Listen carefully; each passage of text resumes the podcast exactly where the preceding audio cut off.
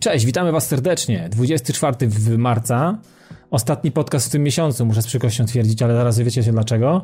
Podcast 44, nagrywamy i jesteśmy wszyscy w studio, czyli ja, Dawid Maron, witam Was serdecznie i następna osoba za mikrofonem to Paweł Niziołek. Witam Was serdecznie. Michał Wiśnia-Wiśniewski.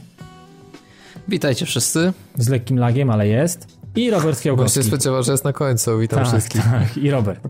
E, dzisiaj, dzisiaj mamy trochę ciekawych informacji w parafialnych. Będziemy chcieli się z wami podzielić pewnymi fajnymi, ciekawymi rzeczami i dla nas miłymi. Mm, powiemy w temacie tygodnia, będziemy zastanawiali się, jak to jest z ocenianiem gier i czy ktoś taki jak krytyk growy w ogóle istnieje i czy, i czy, i czy w ogóle jest potrzebny. Powiemy o odświeżonej wersji DuckTales, będzie remaster tej bardzo fajnej i ciekawej platformówki. Powiemy o bardzo ciekawym newsie z imprezy, która nazywa się PAX, czyli o gameplayach z Diablo 3. E, w kanciku prowadzącego trochę powyżywam się nad iOS-em i nad Androidem i, i powiem wam, jak, wygląda, jak wyglądają moje spostrzeżenia na ten temat. W premierach tygodnia powiemy oczywiście, że jest Bioshock e, i w tanim graniu e, powiemy trochę o Motostormie RC.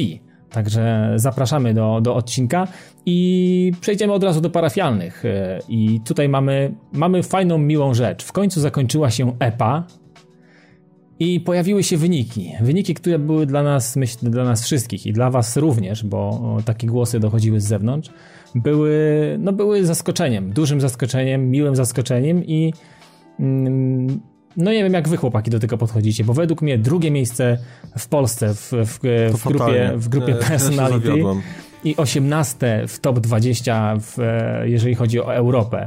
E, to zaraz za podcastem bez nazwy. No myślę, że to są, to są, to są fajne, ciekawe, ciekawe, ciekawe liczby, które będą nam długo siedziały w głowie chyba, co? Znaczy powiem ci tak, jako, jako, jako że jesteśmy, można wciąż powiedzieć, podcastem debiutującym, bo nawet nie istniejemy pełnego roku, Hmm, bo kiedy? Czerwiec gdzieś tak. No maj, maj, pierwsze odcinki gdzieś w maj... czerwcu, maju, no. no. No, ale to te pierwsze to ja bym nawet nie liczył, szczerze mówiąc, no, i bym do tak. nich nie wracał, jak mam być szczery. Hmm, ale co, e, no powiem tak, no jestem bardzo miło zaskoczony, zresztą wystarczy nawet popatrzeć na to, jak zgłaszaliśmy się do samej epy, jaki wtedy reprezentowaliśmy gdzieś tam są poziom, taki nasz wewnętrzny, jak my siebie oceniamy, to nie chodzi tam o jakieś, prawda, porównywanie się z nim, tylko jak siebie ocenialiśmy, prawda, jak my sobie radzimy, każdy z nas ma gdzieś tam swoją poziom autokrytyki i potrafi ocenić swoje możliwości i jak to wszystko wypada. Porównując z tym, jak to wygląda teraz, czyli tutaj mamy już luty, no to jest, to moim zdaniem jest przepaść. Marzec, no. gdzie koniec marca, chłopie, marzec, luty? No tak, ma, ma, luty, marzec, no. Ja jestem... Ja wiem, że zima i można się pogubić, ale Malaga. jeden miesiąc ja mam, się urwał. Ja mam, tak, mi się urwał, ja przespałem miesiąc, jak niedźwiedź. Nie, słuchajcie, no i, i generalnie uważam, że, że to, co nam się udało zrobić w przeciągu tego roku, to, to jest, znaczy nie całego nawet roku, to jest naprawdę kawał dobrej roboty. To jeżeli chodzi o nasze gdzieś tam rozwinięcie się, umiejętności, zdobycie, mm, poprawienie techniczne i tego typu różne inne rzeczy. No i to myślę, że to się w jakiś sposób przekłada na wynik. Jasne, no tam wiele osób można powiedzieć, że, że to tam, co to za, za, za plebiscyt. Ale Boże, ka każdy plebiscyt można w ten sposób podważać i stwierdzić, że jest nic nie warty. Jest to, jest, jest to plebiscyt europejski, gdzieś tam sponsorowany przez Olympusa. Jak większość dużych imprez jest sponsorowana przez jakieś, jakieś duże, duże marki. No i służy promowaniem takich marek. Jasne. Ale też chodzi o to, że, ale chodzi też, ale główną jakby ideą tego było promowanie podcasty. podcasting, dokładnie. Jasne. Promowanie, dokładnie, promowanie podcastów i, i, całej strefy, całej takiej jakby sfery podcastowej, no bo ona wciąż jest taka mocno niszowa, nie ukrywajmy w Polsce, z kim się nie gada, to sporo ludzi nie wie, co to są podcasty, trzeba tłumaczyć, że to, co to jest podcast. I mam nadzieję, że takie imprezy, ta impreza jest mocno niszowa, bo gdzieś tam jest też z boku, też się mało w, tak stosunkowo gdzieś na zewnątrz na temat tej imprezy mówi. No ale im więcej tego, takich wydarzeń będzie, ktoś musi być tym pierwszym i ktoś musi, prawda, zacząć coś takiego robić i od małych kroczków.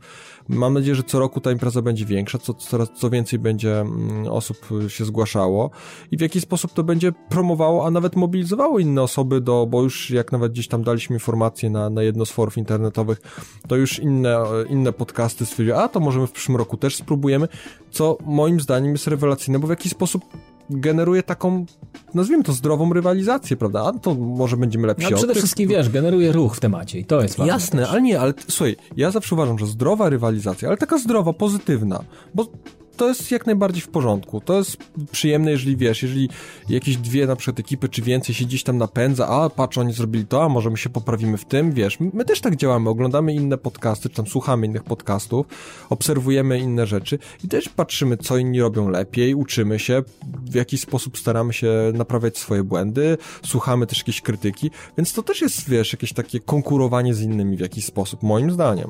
Mhm. Ja osobiście jestem bardzo zadowolony. Drugie miejsce w Polsce, jeżeli chodzi o pers- kategorię personality, tak, osobowość i osiemnaste w Europie. Ja nie mam pytań, szczerze mówiąc. Jasne, myślę, że chłopaki Robert i Michał to myślę, że też podzielają zdanie i chyba, że chcecie Przepraszam, coś, oczywiście. Że tak, że tak dużo Coś- się, coś- ale musiałem się wypowiedzieć. Paweł, Wyrzucić. No, już nie mam Paweł. nic do dodania, już nic nie wyczerpał tematu. Paweł wylał absolutnie za wszystkich wszystko. E, I teraz pójdziemy sobie troszeczkę dalej. Mówiliśmy o miłych rzeczach i, i o, o, o rzeczach, które się wydarzyły jakby i są przypięte do podcastu. I podcast też, podcast jako, może Pad TV, podcast zmieniło trochę też swój wizerunek w internecie, jak zdążyliście zauważyć. Mm, No, nie obyło się mimo, mimo tak ogromnego przygotowania i planowania od dłuższego czasu mm, i, i pracy ciężkiej z Robertem, y, programistycznych i, i administracyjnych, nie udało się tutaj nam uchronić się przed pewnymi problemami z serwerem i z, z przejęciem starej konfiguracji na nowym, na nowym serwerze u nowego jakby dostawcy hostingowego. Z tego przepraszamy z górki, tutaj od razu z góry, że, że tam jednak ta nieobecność 36 godzin. Ja wiem, że nie jesteśmy może onet.pl i nie musimy się tutaj specjalnie spinać, ale, ale no, nie było to po naszej myśli i trochę też y, nas to bolało, także przepraszamy z góry za, za niedogodności i nie, nieobecność, jakby niemożliwość pobrania nawet podcastów, więc to było też, byliśmy Tak, całkowicie nawet też dla offline. iTunesowych y, słuchaczy, którzy na przykład mogli nie wiedzieć. Ale w każdym Dokładnie. razie wszystkich zapraszamy na www.padtv.pl, żeby zobaczyć y, i ocenić, czy rzeczywiście warto było e, wprowadzać zmiany. A naszym zdaniem warto było i w ankiecie. Nie, jest, No, w sumie też wiem, większość głosów na tak. Dokładnie, także warto Chcecie zobaczyć, sprawdzić, jak wyglądają rzeczywiście- nasze, nasze właśnie jeszcze wypociny jak, jak, i, i, i jak wyglądała nasza, nasza praca mm, na co dzień, można powiedzieć od dobrych dwóch, e, trzech tygodni przygotowania się, można powiedzieć od końca lutego, to wejdźcie na padtv.pl i zobaczcie, mm, co nam udało się zrobić i, i, i jak to wszystko wygląda. I ostatni jakby taki mm, tutaj punkt w parafialnych, e, no wiecie, wiecie wszyscy dobrze, że zbliżają się Pogadamy o święta. jajkach. będzie o jajkach, zbliża, zbliża, zbliża się, zbliżają się święta, więc y, to też trochę, jakby trochę też y, moment na odpoczynek, na spędzenie trochę tego czasu z rodziną, po wyjeżdżaniu gdzieś, spotkaniu się, po prostu odejścia od, od codzienności, więc my też próbujemy y, tak też postąpić. Także podcast za tydzień się nie ukaże, więc następny odcinek 45 pojawi się dopiero 8 kwietnia, i, i robimy sobie malutką przerwę i to myślę, że to będzie też zdrowe i to powo- spowoduje, że będziemy też jeszcze bardziej głodni nagrania i, i Dla tego, nas Dokładnie i tak. dla Co słuchaczy. znaczy, że strona nie będzie żyła, także warto oczywiście odwiedzać. tam się będą po pojawiały prostu- różne rzeczy, ale podcastu jako tako nie będzie. Mhm. Także, także dobrze. To był ostatni punkt w parafialnych i jak standardowo oddaję tutaj głos Robertowi i Robert nam powie, co nam się działo na naszym, na naszym blogu i co żeście tam nawypisywali ludziska. Dokładnie tak. Sporo osób zdążyło na szczęście przed naszą przerwą, więc... I po e, przerwie to- też trochę osób się I po przerwie, tak, wiadomo, że trochę mniej komentarzy, ale e, no ta przerwa zrobiła swoje, co nie znaczy, że nie było kilku ciekawych do naszego działu. E, jeśli chodzi o mm, pamiętne gry wyścigowe, to mm, co zadaliśmy wam pod koniec poprzedniego odcinka, to chociażby Jakub Kajoten napisał, że bardzo dobrze wspomina Lotusa i Jaguara XJ220.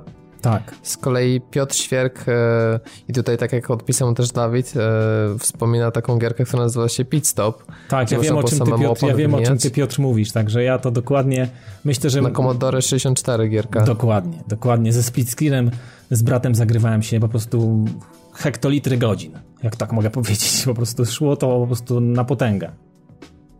Mm, Dokładnie tak. Jeśli chodzi o nasz e, ostatni temat główny dotyczący kampanii marketingowych i o tym, czy nie zdradzają nam zbyt dużo informacji na temat gier, mm, to Jacek Kaleta napisał, że on lubi materiały takie zakulisowe, że e, kiedy na przykład dowiadujemy się o tym, jak powstawała muzyka do gry, mm, e, jakieś, nie wiem, szczegóły dotyczące projektowania, no to nie zdradza nam bezpośrednio fabuły, a pomaga Jakieś nam się sesje wkręcić... mock-upu pewnie i takie Dokładnie tam rzeczy. tak, to, to są teraz... mi, mi bra- brakuje, szczerze mówiąc, tego, bo mm, z jednej strony mamy masę tych dzienników deweloperów, ale one są takie często, że puszczają, zapętlają jakiś filmik, pokaz twórca coś opowiada, a brakuje mi takich właśnie treściwych materiałów zakulisowych. Z Beyond Two No, Souls ale są bardzo często fajne. są Wiecie co? takie, No mów Michał, mów, mów. Często są takie na przykład e, bezpośrednio już w grach. No, z tego co pamiętam, Uncharted miało taką opcję, God of War też. Ale wiesz Można sobie co, obejrzeć tak- takie tak- filmiki. no ale często jest tak, że to się dorzuca do tych edycji kolekcjonerskich, ale gdyby A na nie, przykład, nie, wiesz, w w zwykłych jakiś... wersjach tutaj masz też. Nie Ale to są nie wyjątki. No to są wyjątki, no bardzo pewno. rzadko. Tak, wiadomo. No więc ja bym chciał, żeby wiesz, w trakcie, bo to tak pozytywnie nakręca, bo jak ja już powiem szczerze, przejdę grę, to nie zawsze mam ochotę jeszcze wracać i na przykład oglądać materiał, jak ona została produkowana, bo na przykład jeśli już nie chcę do tej gry wrócić, no to dla mnie to jest już w pewnym sensie, wiesz, temat zamknięty, a jeśli jest przed premierą, no to taki typ materiału może fajnie wkręcić w klimat, a z drugiej strony omijamy ten problem, o którym mówiliśmy właśnie w zeszłym tygodniu, czyli tego, Spoilerów że fabularnych. z- za dużo się dowiadujemy i Aczkolwiek i czasami w takich materiałach można, jest zawsze ryzyko, że coś mogą pokazać, prawda, za dużo. Ale to takich, z takich najciekawszych to właśnie z God of War'a mi się strasznie podobały materiały, z Uncharted były rewelacyjne i teraz z Beyond Two Souls są bardzo fajne. Właśnie No mi się pokazują... podobały, wiecie, jeszcze z czego pamiętam, że przed premierą Dishonored było też dużo fajnych tych, tych developer No, były diary, także fajne, były tak, świetne tak. te deweloperskie dzienniczki, bardzo fajnie zrobione. Ale na przykład Dokładnie. nie, nie to, co, ja tylko jedno zdanie dorzucę, to co Dawid właśnie mówił, że Session Motion Cap, że teraz jakby ta technologia tak się fajnie rozwinęła, że można obserwować jak te gry powstają od kuchni i, i, i ten aspekt właśnie motion capture, te, takiego polepszania mm, takiej większej realności i większej naturalności tego, tej całej gry aktorskiej, prawda, bo teraz coraz częściej się przecież angażuje aktorów, więc w przypadku Beyond Two Souls rewelacyjnie to było pokazane i w przypadku Uncharted też jeszcze to bardzo fajnie wychodziło. I właśnie pokazują, jak, jak ci aktorzy gdzieś tam ze sobą muszą, muszą ws- współgrać i, i jak to muszą razem robić na planie, moim zdaniem rewelacje. Można to rzeczywiście zobaczyć. Często jeszcze z jakimiś fragmentami takimi właśnie mm, potem już samych gameplay, jak to się przekłada. O to z, Las, z The Last of Us było tak zrobione. Nie wiem, czy kojarzycie, był taki trailer, jak pokazywali od mock-upu wszystkie kolejne etapy, potem takie gołe, sztywne modele, potem dodali pierwsze tekstury, potem jakieś oświetlenie, potem poprawili, potem efekty i tak kolejne stadia przychodził cały czas ten sam fragment. Rewelacyjnie było widać kolejne kroki, jakby jak gra powstaje. Jasne. E, z kolei mm, zastanawialiśmy się na tym, czy jest osoba taka jak Dawid, której nie przeszkadzają żadne spoilery ani nadmierna ilość informacji, no to właśnie Olster napisał, że e, dla niego, nawet znając całość fabuły wraz ze wszystkimi smaczkami, jak czy tajemnicami, jak miał w Heavy Rain, że to mu nie przeszkadza w dobrej zabawie i tak naprawdę zawsze odnajdzie coś tam dla siebie w tym gameplayu. No, czy ja, go, ja go zupełnie w rozumiem, fabule. także high five, Olester. Znaczy, Wiesz co, so, są pewne takie elementy, których szczerze mówiąc lepiej nie wiedzieć. To nie, nie, nie tyle, co nie psuje rozrywki, moim zdaniem, ale zmniejsza ten efekt takiego zaskoczenia. No zawsze jest rewelacyjnie się Nie czymś... no wiadomo, wiesz, znając na przykład główny twist fabularny, to tak jak film oglądamy po to, żeby, żeby się dowiedzieć jakie zakończenie i też żeby w międzyczasie jakieś twisty były no, fabularne. no tak, no bo to zwiększa taki efekt takiego efektu wow, czy jakby... No ale to, to już no, doszliśmy do tego, że niektórym Jasne. osobom to nie przeszkadza. Patrz Dawid E. Vincent zadał takie pytanie, tutaj myślę, że też O, do nas, bo e, ludzie opi- odpisywali w komentarzach e, swoje preferencje e, dotyczące tego tematu, a teraz zapytam was, e, zgodnie zresztą z obietnicą. Otóż pytanie jest takie, ile średnio godzin tygodniowo spędzacie na graniu? I może Wiśnie zaczniemy tutaj. Nie, żeby go posądzać, że gra najwięcej, ale ma więcej czasu mimo wszystko niż, niż chociażby Paweł czy Dawid. No na pewno mam więcej czasu i, i, no i dość dużo jednak spędzam przy tym graniu, bo zresztą jak możecie nawet zaobserwować na tubie, że ostatnio to dużo jest właśnie moich filmików. Yy, No, tak wiesz, to prawie jak spotkania jakieś AA normalnie tutaj wiesz. Nie No mam się, taki no ja w tym tygodniu grałem ileś tam godzin. No ale mniej więcej, jakbyś tak miał uśrednić, no bo wiadomo, że, że to różnie. My studenci, jak to mamy, wiesz, przed sesją na przykład, no to, to konsola raczej się no kurzy, tak, nie? tak, to, wi- to wiadomo mniej, ale no teraz jak mam taki w miarę spokój na, na uczelni, no to tak z 30 godzin to spokojnie w tygodniu, nie? A Mhm. Jak nie więcej. No okej, no to no powiedział Wiśnia, gdzieś, mniej więcej. tyle. A I raczej z tego, co jak tak patrzę, to dosyć duży przekrój gier. Nie grasz cały czas w jedną grę, tylko y, trochę tam Nie, żonglujesz nie, tymi. staram się tak dawkować. No tutaj e, od czasu do czasu ten Montos, to tam tak, tak softorek ze znajomymi. E, no tam wiadomo Killzone, Crysis też od czasu do czasu. Nowy God of War, no bo też trzeba przetestować trochę. E, no, także Czyli- czyli różnie to bywa, w co się gra. No dobra, a Tak, ty tak. Dawid? Jak Ja- byś powiedział? Jak, wiesz co, nie wiem, no gram, wydaje mi się, że gram sporo. Wydaje mi się, że gram sporo i, i praktycznie re- regularnie, regularnie co, co któryś wieczór, e, czasami w ciągu dnia. No ostatnio tak my na przykład e, o- kupiłem cały sezon Walking Dead i zrobiłem go w jeden dzień, więc tak... No dla mnie to był, to był szok, bo ja na przykład grałem w to chyba z 3 tygodnie, bo I to, chciałem jest, setyzować. I to jest w ogóle automatycznie stało się to moją najszybszą platyną, bo od pierwszego trofika do, do platyny zajęło mi to jeden dzień i 8 godzin, więc y, y, to była doba plus 8 godzin. No więc, y, mówmy się, ale tam widzisz, jest a to się ale- stało moją jedyną platyną na razie. Ale, ale, To ale tak myślę, że, myślę, że gram dużo. Myślę, że to też, jakbym tak policzył przez cały tydzień, mm, uśrednić to, myślę, że to jest e, 3, 3 czasami nawet 4 godziny dziennie potrafię spędzić. Szczególnie, że teraz mam trochę więcej czasu, więc, więc no gram sporo. Myślę, że mam nawet więcej niż 30 godzin miesięcznie, znaczy tygodniowo myślę, że mogę, jestem teraz w stanie poświęcić. Gram Mhm. A sporo. ty Paweł? Z kolei będziesz e, tutaj naj, najmniej chyba z nas wszystkich. Ja generalnie tak, tu się od razu mogę bez bicia przyznać, że, że mi teraz mam Paweł taki... już taki styrany, tylko dwie Nie, godziny no nie, Ledwo szczerze, Tomb szczerze. Raidera skończył. No nie, po, powiem tak, no kiedyś, kiedyś miałem zdecydowanie więcej czasu i, i tutaj to podchodziło czasami no pod te 30-20 godzin, gdzieś tak. Mm, aczkolwiek pracując mm, no, na, na pełen etat ciężko jest popołudniami, jeszcze chcąc spędzić trochę czasu gdzieś tam, prawda, z żoną, czy, czy z narzeczoną, czy z dziewczyną, tam w zależności jak tam się ma, jaką ma się sytuację, mm, no to, to gdzieś tego czasu trochę ubywa i, i jednak jest, jest z tym kłopot, a jak już się pojawiają dzieci, to już w ogóle przerąbane, no i w moim wypadku teraz jest mało, no średnio tak gdzieś koło, no koło dychy max, to jest, to jest, to myślę w tym momencie tygodniowo. Mhm, dobra, ja powiem ze swojej strony, że wpisuję się tak trochę pomiędzy, bo u mnie to też się tak różnie waha, ale powiedzmy, że to jest takie 15-20 godzin.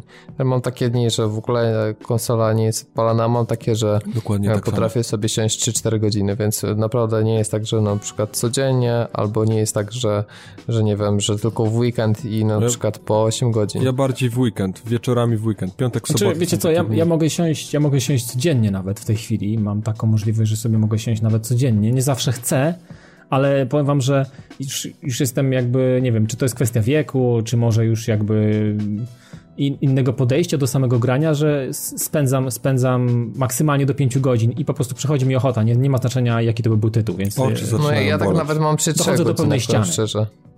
Znaczy u mnie na przykład Border, no to, to tytuł, który mnie strasznie na przykład, ja tam tą godzinę to, ja byłem w szoku jak ja patrzę na swój licznik godzin w Borderze, e, bo, bo tam po prostu zagina się czasoprzestrzeń, nie? A No, są takie tytuły, że jednak wiesz, pogram gier. godzinę i jestem nasycony, więc, więc to też Ale zależy to od chyba o gry. to chodzi, żeby sobie pograć trochę i, i lepiej jest, moim zdaniem, lepiej jest sobie zrobić przerwę. Na przykład teraz robię taką krótką przerwę od... od e, na Tomb Raidera. Nie, od Battlefielda. Tomb Raidera skończyłem, multi nawet nie odpalam, bo to w ogóle nie ma co, a nie będę wracał Mhm. do Tomb Raidera, bo nie jestem typem platynowców i w ogóle. Więc Jasne. ja sobie grę zaliczyłem, swoją dozę, że tak powiem, emocji, ekscytacji mm, z tego wziąłem. I teraz sobie odstawiam przed Battlefielda, robię sobie przerwę od Battlefielda, wiesz, żeby, żeby się tym tytułem nie masakrować, mimo No ja często też robię sobie przerwy. Ja na przykład też często robię tak, że skończę y, dany tytuł i potem powiedzmy te 2-3 dni y, konsola odpoczywa. oddechu, dokładnie tak. Ja No, teraz sobie... Pa Paweł zaliczył Larę, teraz sobie robi przerwę. Dokładnie tak. Dobra, no to a Paweł też niedługo zaliczy jaskinie, takie płynne przejście. Mowa konkretnie o grze The Cave i tutaj kofeinka poleciła No nie a tylko- propos tak... No, Zresztą no. parę, parę, ki- kilka innych prof, e, propozycji, ale kofeinka jako pierwsza o tym napisała. Mhm. No i super się wstrzeliła, że, czy Sony się też wstrzeliło, bo e, może dla ciebie to pewnie zła informacja, bo pewnie grałaś to na, na PlayStation 3, ale teraz w plusie będzie to za darmo w kwietniu. Znaczy to Dawid, Dawid Ja. zakupił Ja kupiłem. Cave'a. Ja kupiłem Tak, ale mówię do kofeinki. Aha, no tak. że Możliwe, jak no, pisze, no, tak, że, jeżeli, że jeżeli wie, No, to no to to widocznie musiała tak grać, kupiła. także Ola pewnie ograła i teraz zęby w beton. powiem tak, ja generalnie czekając na tą plusową, plusową wersję, bo poczekam teraz, z tej perspektywy nie ma sensu tego kupować w tym No momencie. co ty? Nie no, to rzeczywiście. Naprawdę? No, Ameryka jest jest prawda. ekonomii. Trzeba było być hardkorowcem. No ale w każdym razie, w każdym razie e, jest dostępna wersja demo, której jakoś nie miałem okazji ograć wcześniej, bo gdzieś to tam umknęło w nawale innych rzeczy. No i za namową właśnie tej kofeinki odpaliłem sobie, sobie to demo i powiem szczerze, że jest naprawdę bardzo fajne, fajne taki platformero, przygodówko, gra logiczna, taki miks właśnie. Ciekawy, więc, więc tutaj mi jak najbardziej pasuje i, i na pewno... No myślę, że wszyscy łykniemy, co no... Tak, na pewno, na No, pewno na pewno. mogę powiedzieć, że na pewno i dzięki, dzięki tutaj wszystkim za rekomendacje, bo... bo, bo, bo Tak, jeszcze parę innych osób napisało parę innych rekomendacji, już nie Tak. będziemy wszystkiego wymieniać, Y- bo nie ma czasu, ale y, Paweł na pewno przeczytał i dziękujemy bardzo za odzew. tak. Dokładnie. I teraz, I teraz to był jakby ostatni e, nasz komentarz do komentarza z bloga z naszej strony i przejdziemy sobie do tematu tygodnia. Tak jak mówiłem na, na zapowiedziach, będziemy mówić o, o ocenach gier, o krytyce e, gier, o, o tego, o, ty, o, tym, o tym, jak wygląda sprawa e, samych ocen i tych e, wszystkich składowych na tą ocenę końcową, czy, czy faktycznie mamy, mamy w Polsce takich autoryta, takie, takie autorytety w branży entertainment, w branży growej, które jeżeli powiedzą, że gra zasługuje na 7 na 10 albo na 5 na 10, to tak faktycznie jest i, i to jest ocena, mm, od której możemy się jakby odnieść i ona jest w, w jakiś sposób miarodajna. Ona faktycznie mówi o tym, że jeżeli pan X napisał, e, tak z krytykiem nie wiem, kulinarnym, filmowym, książkowym, jeżeli pan X mówi, że to danie jest 5 na 10, to czy tak faktycznie jest? Ja się często zastanawiam, chłopaki, mm, bo zdarza mi się przeglądać różnego rodzaju recenzje, oceny, metakrytyki, zestawienia różne.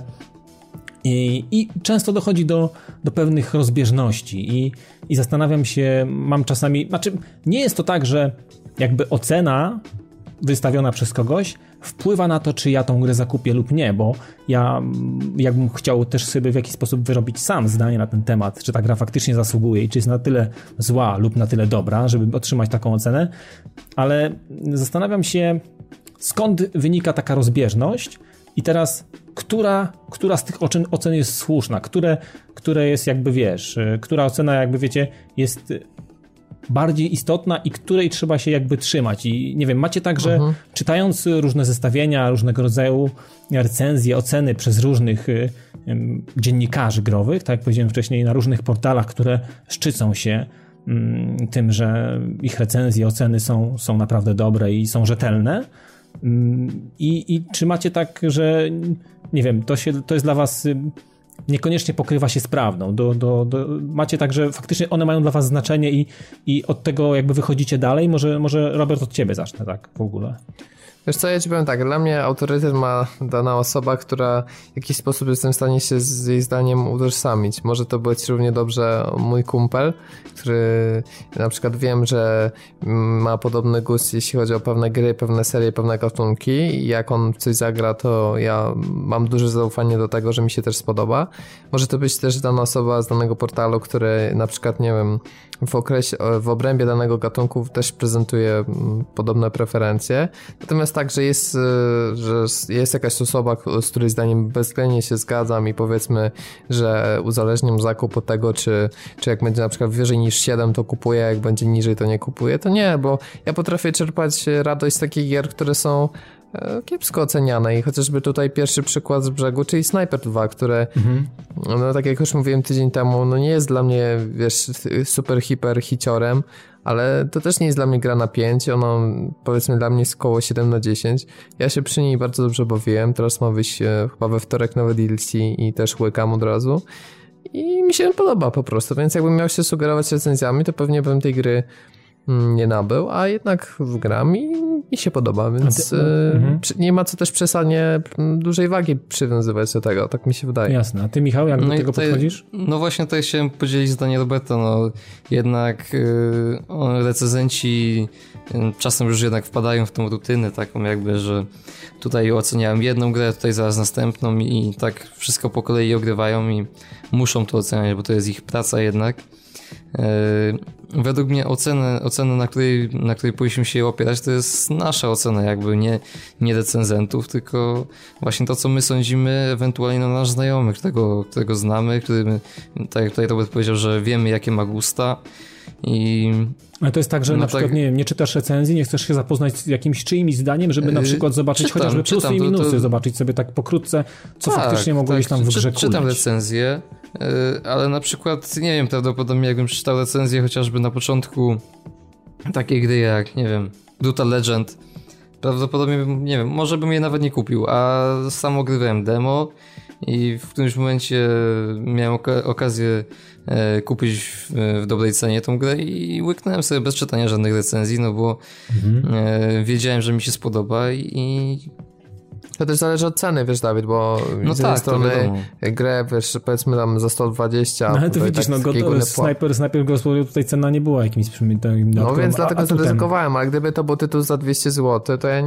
nie kupiłbym w ciemno, nie? Mhm. Więc to, to, to też myślę ma bardzo duże znaczenie. Tak samo jak tutaj Wiśnia mówi, że kupił Brutal Legend w, w atrakcyjnej cenie. Wiesz, można mieć pewien ogląd po recenzjach, na przykład czytając... E, kilka recenzji God of War'a, czy na przykład Gearsów, to można wysnuć sobie wniosek taki, że to są części słabsze i że recenzenci mają takie wrażenie, że to jest już któraś część z kolei. Bo bardzo podobnie można powiedzieć, te dwie serie tak się wstrzeliły nie tylko ze skrótami, no bo obie części są prequelami i że to jest już tam, powiedzmy, że to jest e, tam czwarta część, mimo że obie są bez numerka, nie? Mhm. Więc można mieć jakiś tam ogólny pogląd na ten temat, ale no wiesz, będzie osoba, która jest fanem tej serii, tej czy drugiej i dla niej to jest must have i ona się będzie świetnie przy tym bawić i tak. z kolei jest druga osoba, którą już męczyła nawet poprzednia część i wtedy może sobie na przykład na podstawie tych recenzji wysunąć taki wniosek, że albo poczekać aż stanieje, albo nawet odpuścić całkowicie. A co o tym ja sądzi? Tak mam z Gearsami. ja jestem tak, zmęczony tak. serią Gears of War na przykład i wiem, że to jest świetna seria i ona naprawdę e, taka flagowa na Xboxie i dużo godzin spędziłem przy różnych częściach, ale już przy trójce miałem taki przesyt, więc teraz wiem, że ten Judgment no. to już byłby ponad moje siły, nie? Mhm. I już raczej nie wiem, czy, czy w ogóle zagramy się już to na pewno po dużej, dużej obniżce. A co, a, a, a ja co mogę... na, ten, to, na ten temat właśnie sądzi nasz nadworny gaduła Paweł?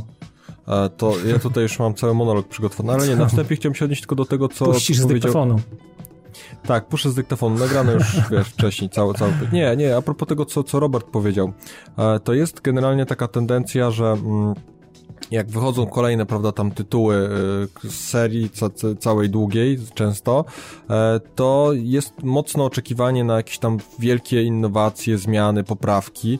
I na przykład tak to jest w przypadku serii God of War. Oni wprowadzają zmiany, te zmiany są, ale to są dla, dla naprawdę wielbicieli serii to są spore zmiany, dla ludzi z zewnątrz to jest kosmetyka. I, I, recenzenci często popadają w taką tendencję, że kolejny sequel, no jeżeli nie jest jakoś rewolucyjnie inny albo nie wprowadza jakichś gigantycznych innowacji, no to to jest to samo, prawda? I automatycznie ta ocena gdzieś tam musi być niższa, no bo nie wprowadza niczego takiego spektakularnie nowego. Mhm. Mm, można się z tym zgadać i nie. No tak jak Robert powiedział, dla, dla wielbicieli serii to jest, jest e, na pewno rarytas i, ja na przykład mm, jestem umiarkowanym wielbicielem serii, o tak powiem, nie jestem fanatycznym wielbicielem, ale bardzo chętnie po ten tytuł sobie sięgnę, bo, bo bardzo cenię jakby tą grę i to jest jeden z tych tytułów, który mnie przyciągnął do konsoli, który zawsze mm, tam gdzieś zwracał mocną uwagę na siebie, jeżeli chodzi o, o wśród tych pozostałych gdzieś tam ekskluzywów PlayStation, PlayStation 3, czy ogólnie konsol PlayStation, bo to też trzeba wspomnieć, że na dwójce, prawda, poprzednie poprzednie części też były i, tam też, też robiły bardzo duże wrażenie. I, I ja uważam, że tutaj no to jest wszystko bardzo subiektywne, ocenianie tego, bo to dla jednych to jest właśnie rewelacyjne pytanie, jaką osobą jest na przykład recenzent, czy tam grupa recenzentów i oni będą w zależności od tego odpowiednio to oceniali. No właśnie, Ale to jakby, wiesz, jakby, jakby kolejna, jakby druga część pytania właśnie, kim jest taki krytyk, krytyk growy i... E, Ale jeżeli i, mogę tylko... No. Jeszcze tylko jedną rzecz chciałem dorzucić, że, że a propos tego, bo mówiłeś, że a propos oceniania gier, jak, jak patrzymy na, na same recenzje, tylko chciałem... Mm, e, dodać, bo ten, bo, bo, bo wiesz, bo patent jest tego typu, że ja już tu kiedyś wspominałem, że jeżeli chodzi o ceny gier i, i recenzje, ja mam w ten sposób, że mniej więcej będąc jakimś tam w cudzysłowie doświadczonym graczem z ilo, iloma latami już przegranymi, spędzonymi przy sprzęcie, e, to wiem, jakie rzeczy mi odpowiadają, jakie mi nie odpowiadają. I, I czytając sobie recenzję, ja wyłapuję te rzeczy. Jeżeli na przykład recenzent tam załóżmy czepia się jakichś elementów, które mi w żaden sposób nie przeszkadzają, które wręcz moim zdaniem są zaletą, no to ja sobie analizuję tę recenzję. Ja szukam takich błędów, prawda? Dla mnie są niebezpieczne sytuacje, kiedy jest powiedziane, że jest jakieś problemy z, z klatkowaniem, że jest duża ilość no, błędów. Albo backtracking, ja działam na to jak na jeże, jak czytam, że jest no backtracking. No dokładnie. Ja właśnie dokładnie... jak jest backtracking, to dla mnie jest mega plus. I na przykład, ja... widzisz, na przykład dla mnie to jest minus. No i to jest kwestia, wiesz, czytasz recenzję i wiesz, to tak samo od recenzenta zależy. Jeden to uzna, że plus, że na przykład wracasz do lokacji, one się zmieniają, a ktoś powie, no dobra, ale mogły być nowe lokacje i znowu dlatego nie ma obiektywnej recenzji. No dlatego Każdy ja mówię, ja sobie patrzę przez pryzmat swoich preferencji na to wszystko, nie? Ja sobie patrzę na, na takie recenzje jako taką ściągawkę. Nie, no, dokładnie, nie wprost powie, nie, nie, nie, nie, widziałem gry, nie grałem w nią, ale ta osoba, która w nią grała, w jakiś sposób mi o niej opowiada i zwracam uwagę na elementy, które mają dla mnie znaczenie, czy to negatywne, czy pozytywne. Jeżeli na przykład mówi, że jest super fabuła, no to na plus. Jeżeli jest na przykład, wiesz, problemy z grafiką, no to jestem to w stanie w jakiś tam sposób stolerować, jeżeli mm. lubię uniwersum, gra jest ciekawa, wszystko się trzyma kupy. Jeżeli techniczne są problemy, bo to są dla mnie zawsze najgorsze, jeżeli jest technicznie coś tam słabo stoi, no to tu już jest poważny problem, jeżeli na przykład właśnie jest czy gra tam gdzieś się zawiesza, czy są jakieś duże ilości bugów, słabe AI przeciwników, to też jest, e, to też jest duży, duży problem, e, że, że jeżeli na przykład walczy się z głupolami, to to jest słabo w grze w tym momencie. No, no wiecie, mi to na przykład aż tak nie przeszkadza. No ale, no, ale no- to po raz kolejny pokazuje, że no każdy dokładnie, każdy, każdy, każdy ma, ma jakieś tam swoje elementy, a, a każda recenzja jest mocno, mocno y, subiektywna, no bo każdy krytyk ma inne doświadczenia, inne ulubione gry i mm, tak jak mówię... No właśnie, bo tak pytałeś Dawid, no kim właśnie, jest krytyk growy? No, jest, jest, jest, to, bo, jest to gracz przede wszystkim, który ja ma swoje... chciałbym coś mhm. nakreślić, bo e, jeżeli ja, ja bym chciał myślę, że mam nadzieję, że w wielu poważnych e, firmach, które firmach i wydawnictwach albo portalach, które e, zajmują się recenzowaniem, otrzymują te tytuły przed premierą i są jakby takim opiniotwórczym elementem, które ma zachęcić jakby w jakimś stopniu też do zakupu, albo zobrazować faktycznie tytuł, żeby ktoś nie poczuł się w jakiś sposób oszukany, że zostało coś zapowiedziane i tak dalej, żeby taki krytyk growy był, był bezstronniczy, w jakiś sposób nie był stronniczy, żeby nie wchodził mm, na jakieś takie, nie sugerował czegoś, żeby faktycznie był taki bardzo neutralny w, czym, w, tym, w, tym, w, tym, w tym, co mówi lub no, pisze. Wiesz, coś takiego? Właśnie dlatego, ja, dlatego chciałbym was zapytać. I, I druga sprawa to jest też jakby, żeby, żeby krytycy w jakiś sposób, jeżeli to jest jakieś wydawnictwo, jakaś firma, która prężnie działa i to są różni ludzie, to jest grupa ludzi, to dobrze by było, gdyby zachowali między, między ten podział tytułów do recenzji był jakiś balans, żeby nie była osoba, która musi obtrzaskać, bo musi, bo przys przysłali paczkę, gdzie jest 10 tytułów i teraz słuchaj, tamten jest chory, ten ma, ten ma złamaną nogę, ten wyjechał i ty mimo tego, że interesujesz się MMO, to musisz mówić teraz o Battlefieldzie, musisz mówić o tym, musisz mówić o tamtym, musisz mówić o jakiejś grze niezależnej. I znaczy, teraz... myśl, myślę, że, że tak nie robią, to wiesz, jeżeli, jeżeli mogę ci się wtrącić, bo, bo jednak wiesz, żeby dobrze zrecenzować grę i żeby coś inteligentnego napisać na jej temat, to albo czy powiedzieć, to warto mieć jakiś punkt odniesienia, prawda? Jeżeli ktoś chce coś powiedzieć o Battlefieldzie trójce, to dobrze było, żeby zagrał przynajmniej jakiegoś jednego, dwa Battlefieldy wcześniej, żeby... No ale niestety zdarza się, kurczę, no. Jasne. Wiem, że to tak mówi i nawet bardzo często, że nie, w Stanach może to jest trochę mniej, ale u nas na przykład ja często właśnie natrafiam, że, że brakuje tego punktu odniesienia. I wiesz, no właśnie, dostałem grę do grania, zagrałem ktoś już. pisze, że to, to, jego pierwsza część i że bawi się fajnie, albo ktoś na przykład pisze, że Dead Space 2 jest no taki typowy horror, ale w sumie to nie gra w jedynkę, więc nie wiadomo jak to odnieść. No to, no to, to jest to, właśnie to, to takie, takie według mnie naj, recenzje są najgorsze, no bo e, dostaje grę ktoś, który, kto powiedzmy na przykład nie zna serii, czy e, w ogóle nie interesuje się tego typu grami, tak jak tutaj przytoczyliście e, przykład Battlefielda. E, no i ta, ta, recenzja jest taka, no można to powiedzieć nawet nierzetelna, no bo... Znaczy, tu, tu ktoś... nie do końca tak powiedział, wiesz? Znaczy może, no to, tak racja, że może nie tak, że nierzetelna, ale no jakby nie, nie jest taka pełna, że nie masz tego Trudno czegoś, mieć że... z niej jakiś wielki pożytek, może No właśnie, tak. Tu no. się, tu się też nie do końca zgodzę, bo to wszystko zależy, jakie, mm, jak podchodzi do tego recenzent, bo jeżeli recenzent podchodzi do tego na zasadzie, ok, dostałem jako w cudzysłowie wyzwanie, prawda, dostałem nowy temat, nie znam się, za... mówię przykładowo, czepiliśmy się tego Battlefielda, to zostaniemy przy Battlefieldzie. Dostał tego Battlefielda do ogrania, zajmował się wcześniej jakimiś tam seriami MMO, zupełnie innymi klimatami, siada do tego tytułu i ogrywa go i na przykład mówi, na co, co, co go zaciekawiło, zwraca uwagę na jakieś pewne punkty.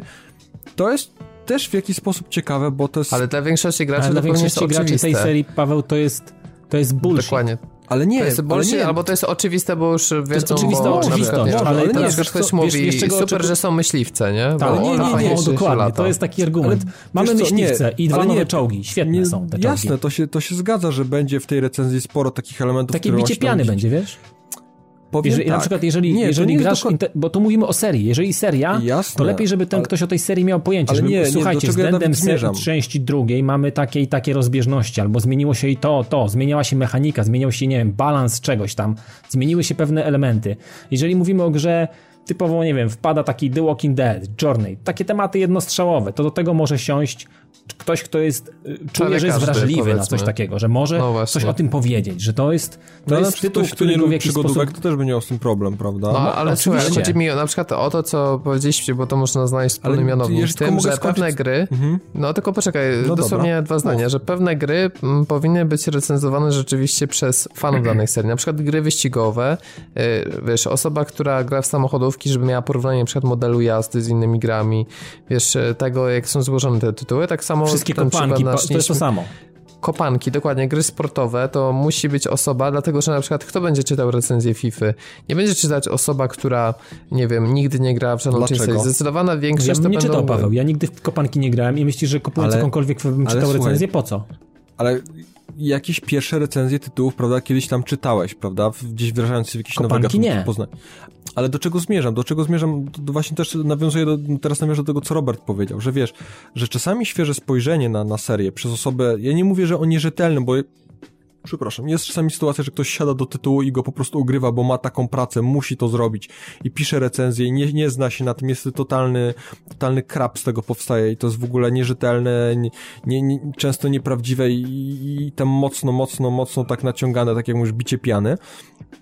Ale często też jest sytuacja, że jeśli siada osoba, która nie miała wcześniej kontaktu z serią jest ciekawa tego gatunku, a jest otwartym takim typem gracza, który poznaje inne tytuły, nie zamyka się na jeden swój gatunek, bo tak jak mówię, nie, nie każdego to się tyczy. Daje to czasami oryginalne, fajne podejście i ciekawą recenzję, bo ta osoba, nie grając gdzieś tam we wcześniejsze serie, w inny sposób patrzy na całość. Musi, No jasne, ale to patrzysz, ale- to jest dobra recenzja, ale dla osoby, która czyta i też jest z punktu widzenia tej Ja- osoby, czyli wchodzi tak, do jakiejś to serii. się zgadzam, to na pewno. Ale jaką A dla wartość osoby- ma dla fanów serii Dla na fanów przykład? serii na przykład ma taką, że czytając taką recenzję, można zwrócić uwagę na pewne elementy, które nam już gdzieś tam w cudzysłowie mogli nam spowszednić, czy w ogóle nie zwróciliśmy na nie No, uwagi. rzeczywiście patrzę, o, ale zajebiste są myśliwce w Battlefieldzie, nie- bo mi wiesz, spowszedniały. Tutaj, tutaj no. to trochę, trochę, trochę Tak, to albo że piłka bogaty- okrągła w FIFA. Wow, nie i wiedziałem, że jest 30 rodzajów piłki w FIFA. Rzeczywiście nie zwracałem na to 30, uwagi. tak? Nie, nie, słuchajcie, no ma, ma to swoje, tak jak wszystko, ma swoje pozytywne i negatywne strony. I tak jednoznacznie bym nie negował tego, że ktoś nie ma o tym pojęcia, ale Znaczy, tak jak... tak wydaje jak mi się, że mówisz- po prostu na przykład FIFA, no jednak powinno to być y, dla tego, że ja Jasne. na przykład Tylko, że czasami, znając wiesz, się na piłce kopanej, to jestem w stanie bardzo łatwo e, rozróżnić na przykład y, jakie recenzje były pisane przez osoby, które rzeczywiście mają większą styczność z, z danym tytułem i takie, które miały mniejszą i przeleciały bardzo Tylko szybko, bo co, tylko FIFA jest taką grą, że można napisać recenzję grając dwie godziny, a z kolei ktoś inny będzie miał wrażenie, że gra 20 godzin i poznał tak naprawdę, wiesz, czubek góry lodowej i też ciężko mu jest napisać, więc Tu, tu się zgadzam, tylko że na przykład dla osoby, która mm, nie miała na przykład wcześniej, e, dla osoby takiej właśnie niewtajemniczonej w serię, recenzja napisana przez takiego totalnego wyjadacza jest zupełnie niestrawialna, bo on zaczyna pisać o jakichś totalnych, wiesz, już takich Tak, detalach, ale na przykład jak jesteśmy w temacie FIFA, to zauważ, że zdecydowana większość graczy to są osoby, które miały już styczność z serią. No tak, dlatego, ale, ale, w- ale przecież pojawiają się wciąż nowe gracze, nowi, nowi gracze, nowe konsole są Jasne, ale sprzedawane. chodzi mi o to, że są w mniejszości, a wiesz, są Jasne, takie tematy, ale- że powinny być, te, wiesz, recenzje powinny być tak napisane, żeby trafiać do jak najszerszego grona odbiorcy, więc Tylko na przykład dla- jak jest recenzja Journey, to powinna być tak napisana, że To ludzie, powinno być którzy coś na przykład pomiędzy, nie wiedzą pomiędzy nic... totalnym wyjadaczem, a, a takim, prawda, żółtodziobem, który, który dopiero wchodzi w, tam w ten Nie, gatunek. no jasne, czy... ja nie mówię, że na przykład, wiesz, żeby zrobić recenzję FIFA trzeba grać, nie wiem, 150-200 godzin i pisać to o najmniejszych różnicach. Nie o to chodzi, bo yy, na przykład właśnie jak już trzymamy się tematu FIFA, to bardzo często jest tak, że na przykład po 50 godzinach gry dopiero, i to szczególnie na przykład w multiplayerze zaczynają wychodzić e, pewne bugi, ponieważ na przykład, e, wiesz, zmienia się sposób wykorzystywania silnik, e, mechaniki gry przez graczy, na przykład okazuje się, że jest jakiś słaby punkt e, sztucznej inteligencji, gracze zaczynają to wykorzystywać. Powiedzmy, że to się dzieje na przykład, nie wiem, 2-3 tygodnie po premierze danego, e, danej części. I taki recenzent, który pisze na świeżo przy premierze, to nawet nie ma szans, żeby o tym napisać i odczucia dotyczące gry, która też dostaje z czasem patche, zmienia się balans pewnych rzeczy, no mogą być zupełnie inne, więc i tutaj nie ma co go winić, dlatego to naprawdę jest tak śliskie, że nie da się tego przyrównać e, do konkretnego przypadku. Na przykład jeszcze tylko powiem a propos Journey.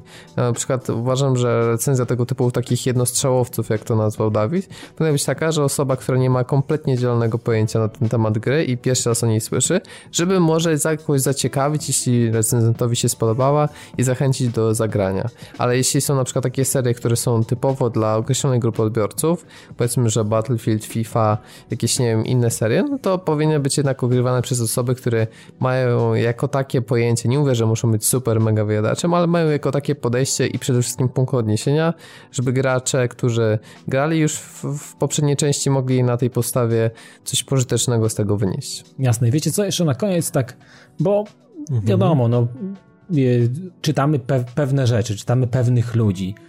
Y, Zaczęły się takie stali się, jak tu już z Robertem tutaj mm, wcześniej rozmawialiśmy tutaj kilka dni wcześniej i nawet dzisiaj przed, przed nagraniem, mamy takich celebrytów piszących, mamy takie sławy, można powiedzieć, piszące, które pojawiają się przy każdych premierach dużych, piszą o tych dużych premierach i są jakby takimi, no można powiedzieć, celebrytami, jak to Robert napisał. I y, uważacie, że te, te nazwiska, te osoby, które prze, przeplatają się gdzieś tam i jakby istnieją w tej, w tej, w tej grupie osób, y, faktycznie są tak utalentowane, tak uzdolnione, że, że te ich opinie, te ich recenzje są takie ponad podziałami, że są takie faktycznie najlepsze i o, to jest ten, ten początek i od tego zawsze się odnosimy, od tego zaczynamy. To jest jakby taki top, że top i tutaj się w tej kwestii mało ludzi jest e, jak, w jakiś sposób w, jakby przeskoczyć ten, ten, tą poprzeczkę, którą oni podnoszą. Bo Powiem- ja, ja na przykład tak nie mam. Ja sobie cenię e, z, czasami zdanie, w wielu, no w wielu przypadkach takie, że cenię, cenię sobie zdanie ludzi, którzy w jakiś sposób nie są tymi celebrytami piszącymi o tych grach, a mimo to potrafią fajnie przekazać, potrafią fajnie napisać, potrafią fajnie jakby wkręcić samym tekstem i jakby zarysem tego, tego, tej całości, że, że wydaje mi się, że są, są czasami jakby ponad, ponad tymi wszystkimi dużymi nazwiskami. I, i, i, i teraz y, ciężko mi tak, wiecie, yy, te nazwiska cały czas gdzieś tam się przewijają w tych, tych kuluarach, to jest takie, wiecie, czerwone dywany i te sprawy, a często trafiam na takie bardzo ciekawe teksty ludzi, którzy piszą gdzieś tam rzadko dla małych y, jakby portali, dla małych serwisów, a są to, a są to teksty naprawdę świetne i, i często na przykład mam, mam, mam, mam na przykład takiego ulubionego recenzenta, którego potrafię czytać recenzję czasami dwa, trzy razy, bo jest tak świetnie napisana, tak potrafię się nią jakby zachłysnąć, tak się po- potrafię w nią, w nią, w nią zaczytywać, że, że, że czytam czasami ją dwie, dwa, trzy razy. Macie coś takiego, że znajdujecie takich małych recenzentów, małych, fajnych pisarzy, krytyków tych y, growych, że, że gdzieś tam, że cenicie ich bardziej niż te celebryckie nazwiska tych celebrytów Znaczy, e, pisarskich. Wiesz co, rozmawiamy tutaj o, o, o recenzowaniu, prawda, generalnie, więc e, ciężko jest recenzować też recenzentów, bo też nasze opinie są w jakiś sposób subiektywne.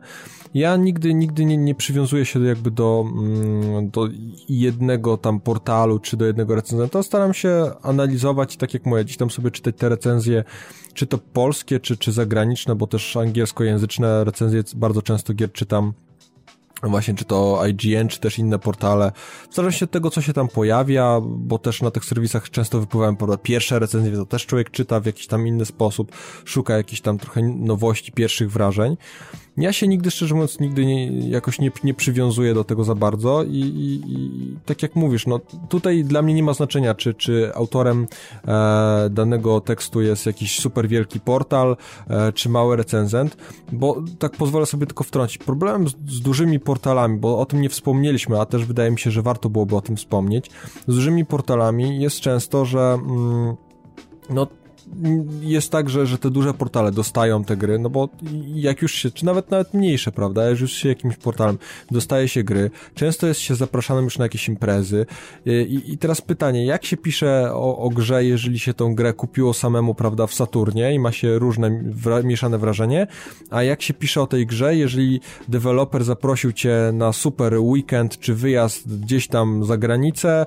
Tak, e... powiedzmy, że to dotyczy raczej e, mediów amerykańskich, bo u nas no tak, wiadomo, u nas, w mniejszej skali. U nas jest to w mniejszej skali, jasne. Ale, ale, ale, na przykład, wiesz, no taka zwykła ludzka przyzwoitość, wiesz, ale bardzo no, często jest do tak, tego, że... Do tego zmierzam, że wiesz, jak, jak, inaczej, jak inaczej patrzy się na tytuł, jeżeli deweloper zaprasza nas na super imprezę, dostajemy grę, tonę gadżetów, e, spędzają z nami weekend, czy tam tydzień, prawda, jest rozkręcona impreza na maksa i teraz proszą nas o rzecze, rzetelną imprezę. a ty wiesz, że, a ty wiesz, że miałeś, przez tydzień miałeś tanie Fujitsu na barze, nie? I w ogóle... No, ale, nie, ale, ale wie, to, no. to nawet nie chodzi o to, że... I zwykła, mówię, zwykła ludzka przyzwoitość. Mówi, no fajnie chłopak, jeszcze wiesz, często ludzie zrąbać, są bardzo no. sympatyczni, wiesz, z PR-u i tak dalej. To nie chodzi, e- to wiesz, to nie jest takie wprost bezczelne przekupstwo, ale szukanie takiej przychylności u, u wiesz... U... bezczelne przekupstwo. No nie, ale bezczelne wprost nie, nie jest. No. no ale tak, to taka jest, taka, taka jest prawda, no, że zobacz, E, powiedzmy, no tutaj może użyłem trochę przenośni, ale no nie wiem, zaprasza cię znajomy do siebie i, i tutaj też robię jakąś imprezę i te, też po jakimś czasie, nie wiem, powiedzmy prosić o jakąś przysługę, no to trochę tak głupio mu odmówić, bo, bo coś, nie? Bo tutaj on cię zaprosił, no to... Dał ci dar za darmo. Jednak no, ludzie mają bardzo taką, wiesz, potrzebę rewanżowania się i oni no właśnie, jadą, I, więc... No, no następny raz, jak napiszemy źle, to następny raz nas nie wezmą, nie? No, no dokładnie. Albo, albo nie I, i, gier, i nie dostaniemy nie gry i nie wiem, i coś i, i już no, tracimy tak... jakby takie znajomości i dlatego to jest takie jednak... Mm, jest bardzo niewiele recenzentów, którzy mogą, może sobie no pozwolić dosłownie kilka, kilku w Stanach na palcach jednej ręki, którzy mogliby na przykład być zaproszeni na imprezę, zjechać i tak pojechaliby na kolejną imprezę, bo ale to są już tacy absolutnie taki, wiesz, top, ale nawet nie polski, tylko to jest top, wiesz, to jest top amerykański, to jest w ogóle top of the world, można mm -hmm, powiedzieć, mm -hmm. nie? No dokładnie, e, no i no powiedzmy, jak, jak my byśmy pojechali na taką imprezę, no to też tak trochę głupio by było, jakbyśmy źle ocenili jakąś grę. No, znaczy, no wiesz, to wiśnia pisze znaczy, za siebie, nie? Źle, oce źle, źle ocenić. Znaczy, źle ocenić to jest w oczach, znaczy, zależy w oczach twórcy jeszcze... źle ocenić, no bo to... Tak, zależy jeszcze jak, jaka by była ta gra. Jakby to był kompletny krap, no to wiadomo, żebyśmy tego wiesz, twórca nie, nie zakłada, i byśmy dali nie 8, 8 na 10 czy coś. Twórca nie zakłada, no nie, no, ale wiesz, krap. czasami takie, że coś nie wypali. Czasami się tak głupio. Ja na przykład, nie kojarzycie taką gierkę na iPada Real Boxing? Tak, ja wiem o czym ty mówisz. Nie jest taki tytuł. No, no, ja nie mam przykład, iPada. E, znaczy to jest chyba w ogóle też już na Androida i to w ogóle na dużo sprzętów. No i wszy, wiesz, dostałem to do recenzji, w ogóle media się polskie o tym same, wiesz, ósemki, dziewiątki mega gra, a mi totalnie jakoś strasznie nie podeszła, no i po prostu grałem w to i tak grałem, no i nie mogłem pozytywnie ocenić, no bo gra mi się nie spodobała i była dla mnie sztywna i miło, że... na super imprezy nie było I już kolejnych gier nie, pożegnałeś. Jasne, ale tylko mówię o tym, że czasami, wiesz, czasami mnie to zastanawia, że że jest jakaś taka wspólna kampania wśród recenzentów, bo ja widzę jakieś takie pewne zależności. Takie nagonki, na nie? Pierwsza takie... to... Tak, to jest, to jest jak ze zmową cenową.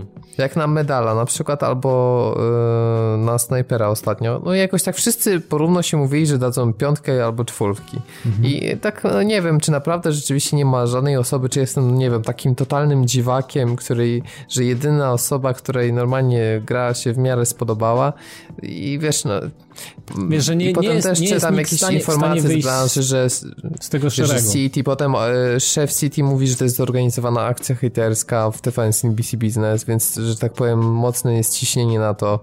E, wiesz, czu, czuje się e, prezes City Interactive w jakiś sposób oszukany, że to jest wiem jaka jest mowa. On pewnie przesadza i tak dalej, ale wiesz, no nie można niestety odciąć się od tego, że recenzenci na różnych portalach się znają, e, często e, okrywają te gry wspólnie na jakichś eventach. E, Wymieniają się nie mówię, że się konsul... nie mówię, że się konsultują i tak dalej, ale wiesz, no to jest pewne środowisko i niestety często mi się wydaje, że trochę zbyt solidarne i czasami to też jakoś tam wpływa na trudność z odczytaniem, bo y, na przykład tak, tak jak właśnie czytałem te recenzje Snipera, no to wszyscy mniej więcej pisali to samo i mam wrażenie, że jakbym czytał 30 recenzji, to mniej więcej Ctrl-V. podobna- No, może, ale wiesz, po prostu takie podobna zawartość informacji, nie? Może za mało, wiesz, może za mało gratisów zostało wysłane, nie było jakiejś konkretnej imprezy, wiesz, to też tak może bo, być, że... Nie, bo na szybko nie, no wiesz. Paweł, ja bym to nie przesadzał, już Ale wiesz, nie śmieję- chcę tutaj nie śmieję się, ale wiesz, oskarżać ale- i tak ale- dalej, ale, ale- ale- wiesz, są takie pewne, takie drobne rzeczy, które też jakoś tam wpływają mimo wszystko na, na ten odbiór. Jest jeszcze jedna, os, taka już ostatni wątek, który w tej dyskusji, żeby już Nie e, przesadnie nie rozciągać, czyli te serwisy, które agregują e, wszystkie recenzje, czy to Metacritic, czy Game Rankings, to są takie dwa największe. I to, że one w pewnym stopniu też moim zdaniem działają szkodliwie na branżę, bo y, okazuje się, że bardzo często wydawcy uzależniają jakieś tam premie dla wydawców, czy, czy wręcz wiesz, kwestie jakichś wynagrodzeń, e, mierzą sukces danej gry właśnie po tym, czy będzie jakaś tam odpowiednia średnia na Metacriticu. I to jest moim zdaniem smutne, bo często, wiesz, e, tam są agregowane raz, że recenzje często takich dziwnych, przypadkowych ludzi, którzy na przykład chcą wypromować swój serwis, dając na przykład jakiejś super grze, super popularnej, czy takiej, która dostaje na przykład Super 8, 9, niską oni ocenę. dadzą czwórkę albo trójkę i wtedy wszyscy klikają na tym Metacriticu, patrzą, co on takiego napisał, że to jest trójka albo czwórka, a czasami jest na odwrót, dają jakiemuś krapowi 10 na 10 i, i też chcą, żeby ludzie czytali, więc y, no ja mam dużą rezerwę do tych portali i moim zdaniem tutaj trochę bardziej preferuję Game Rankings, bo tam jest po prostu tradycyjna średnia, a Metacritic ma jakby niepubliczny ten system, tej, tych, tam są chyba jakieś wagi. Ostatecznie to jest taki, wiesz, w punktach, no ale to nie jest to tak e, klarowne i przejrzyste jak zwykły system procentowy, ale nawet ten procentowy ma swoje wady, bo wszystkie strony mają, no wiesz, inne systemy, jest e, na przykład ABCD, gdzieś tam jest od 1 do 5, od 1 do 6. Trudno jest to sprowadzić do, do jednej takiej... Do wspólnego mianownika, bo to zawsze będą przekłamania na, przy tej ilości recenzji, więc y, to trzeba uważać na takie serwisy, choć daje to pewne mm, pojęcie, ale też nie można się moim zdaniem przesadnie sugerować, bo też można się naciąć. Dobrze.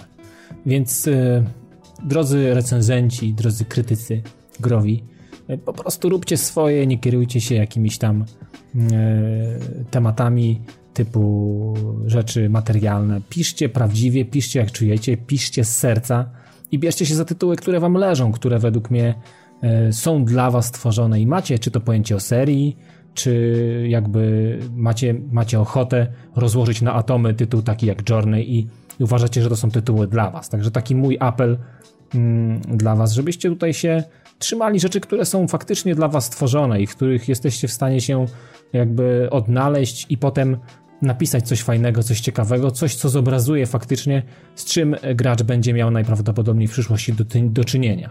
Mm, I teraz przejdziemy sobie fajnie do newsów i zaczniemy od takiego wesołego tematu. E, nie wiem, czy wszyscy, ale ja pamiętam e, DuckTales. DuckTales taka bardzo fajna platformówka. E, Kaczor Smerus kwacz, jego majątek i trzech siostrzeńców i myślę, że już więcej nic nie będę mówił. Ten temat jakby wraca na, na Wokandę i będzie w wersji remasters, także jeżeli ktoś, ktoś jest zainteresowany, ktoś grywał na NESie i dobrze sobie kojarzy taką platformówkę, No jest myślę- już trailer do zobaczenia. jest już trailer powiedzieć, oczywiście do, zoba- do zobaczenia. Który jest Można- bardzo ładny. bardzo fajny, można sobie pośpiewać, jak nawet karaoke zrobić, więc y, jest tak, tak zrobione naprawdę świetnie i, sa, i sama gra według mnie też prezentuje się świetnie.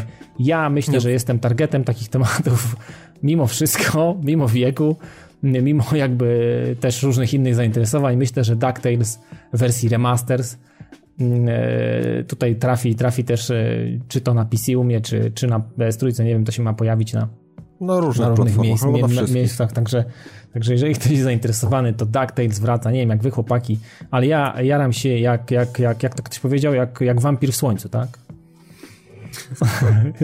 No coś takiego, ale nie, wiesz co, powiem ci tak, zobaczyłem trailer, szczerze mówiąc, i spodziewałem się, znaczy, szczerze mówiąc, nie spodziewałem nie, się niczego. Nie wiedziałeś no. czego się spodziewać, nie? Dokładnie, znaczy nie, tytuł kojarzę jak najbardziej. O, ja na Game Boyu to ogrywałem swojego czasu mm, i, i powiem ci tak, bardzo mi się podoba kierunek graficzny, w którym poszli, bo to jest, wiesz, połączenie takiego 3D lokalizacji z y, dwuwymiarowymi postaciami i te postacie są naprawdę ładnie tak, jak to w kreskówce było, czy tam w Takie, komiksach. takie disneyowska kreska taka jest. Bardzo ładnie jest to narysowane, naprawdę to, to trzyma klimat i, i, i ja chętnie obadam temat. Jak będzie jakieś demko, na pewno sobie sprawdzę.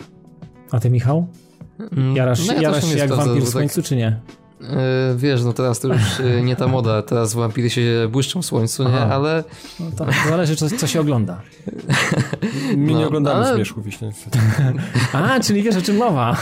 To, tak strzelam. Dobra, generalnie. dobra, cała saga w domu Tak, strzelam, strzelam, jasne, No. jasne. e, nie, no zależy jeszcze, zobaczymy jaka będzie cena na, na, na naszym polskim PSN-ie i...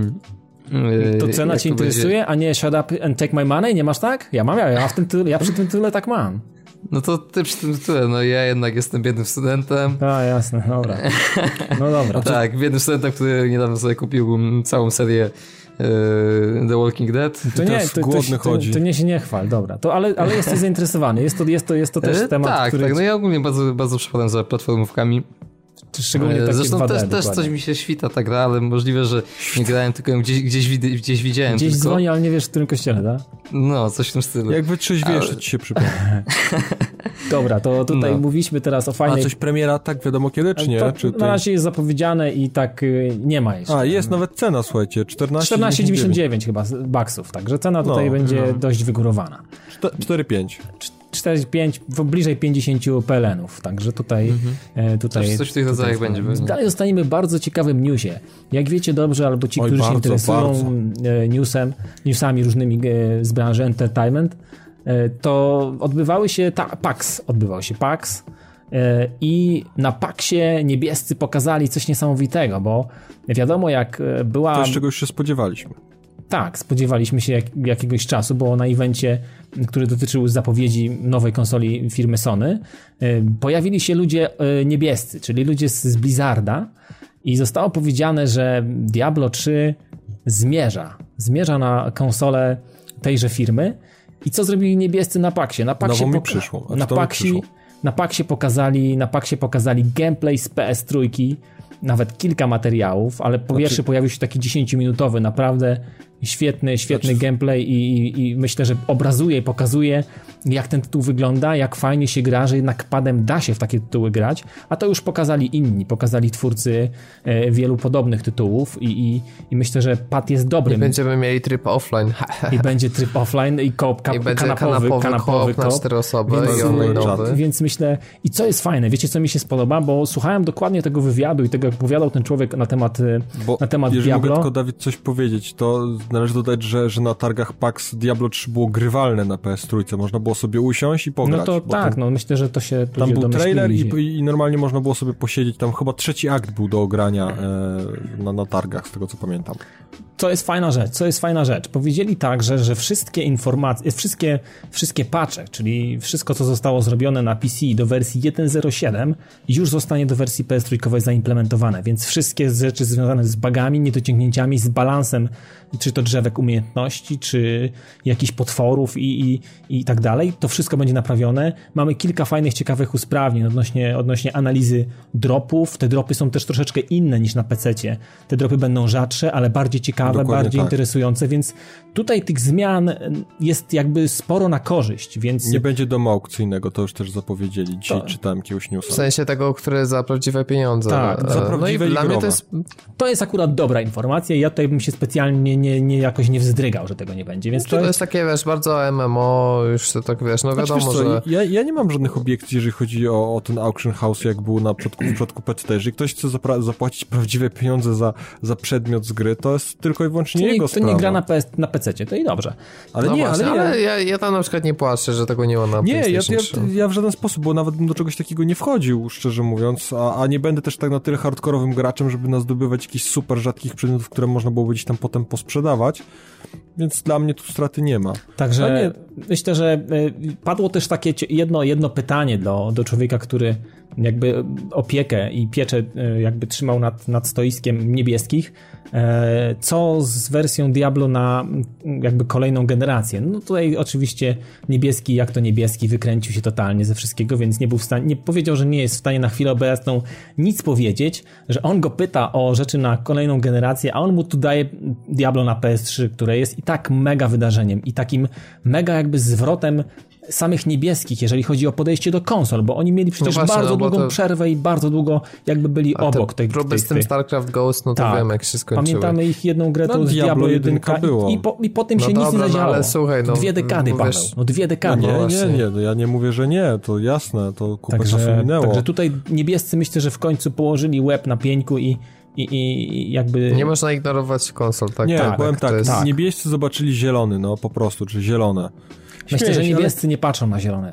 Te Nie, w tej wiesz chwili co, tak. No jak nie patrzą, Znaczy, oni myślę, że mega patrzą, ale, to... Myślę, że ale to nie patrzą. jest Czy dla nich mają- jakby priorytet, tak? Nie, oni, oni, ja powiem tak, moim zdaniem Blizzard ma taką politykę, że oni nie mają, ma, już mają już takie zasoby, prawda, no StarCraft już e, w, gdzieś tam w kręgach azjatyckich, czy nie tylko azjatyckich osiągnął, mówimy o dwójce, osiągnął e, taką mocno, dwójka nie, No sport narodowy, No sport, sport narodowy, no generalnie StarCraft to jest, jest szczególnie w krajach azjatyckich sportem prawie że narodowym, No co oni tam myślę, że z tego mają konkretne profity i nie mają takiego parcia, ci, no tak mniej więcej jak Valve, nie mają takiego, tylko że Valve ma, no tam Valve też ma inny No moim zdaniem to już to przerabialiśmy. Wiesz, oni są częścią nie, no nie nie mają ci- Blizzard. i powiem tak, oni nie- mają ogromne ciśnienie moim zdaniem Ale na nie, ale ty- ale nie, ale- tylko że mają kilka źródeł, które bardzo idzie. A to, że mają ciśnienie, to na przykład pokazuje, że Diablo 3 jest na PC za 200 zł, że StarCraft się 2 wychodzi zgadza. za 200 zł i jest dodatek, który kosztuje no, ale 150 nie wychodzi, zł. ale, ale dzięki Bogu to Diablo 3 nie wychodzi co roku, ono wychodzi raz na jakiś czas. Raz na dekadę. Jasne,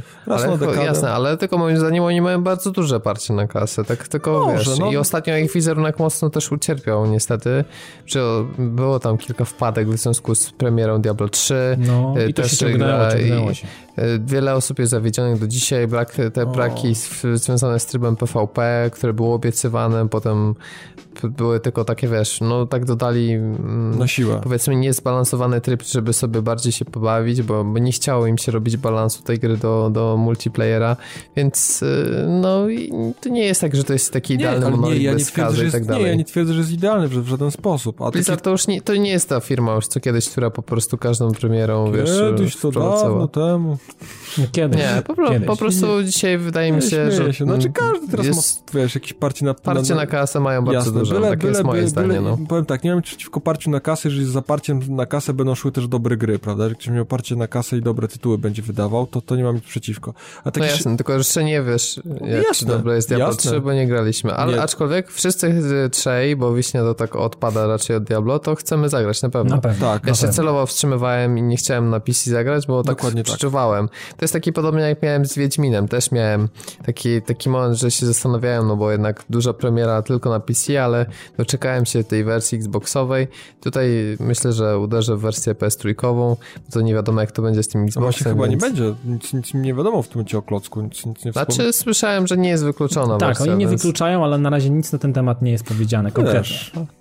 Bo poprzednie Diablo, z tego co wiem, tylko, to, to tylko na szaraku było, nie, Tylko nie, nie szarak. wyszło. Tylko Tylko szarak. szary. No zobaczymy, jak to teraz będzie wyglądało, szczerze mówiąc. A takie tylko szybkie pytanko jeszcze, bo wiemy, że będzie koop kanapowy na czterech, a taki normalnie po multi będzie, tak? Też po, No po- tak Tak, oczywiście, tak, no, to jest nie ma innej standard, to jest okej. No nie, nie, pytam, wiesz, bo to różnie, różnie, prawda, może być, szczerze mówiąc, z takimi tytułami. Nie, no. Myślę, ja powiem tego tak, nie zrobili. wi- wi- Widziałem, trailer, widziałem, bo są w sumie był krótki, tak? Jeden z pokazaniem wszystkich postaci i ten 10-minutowy. W sumie takie trzy materiały mamy dostępne, które można sobie gdzieś tam obadać. Trzy albo cztery, tak.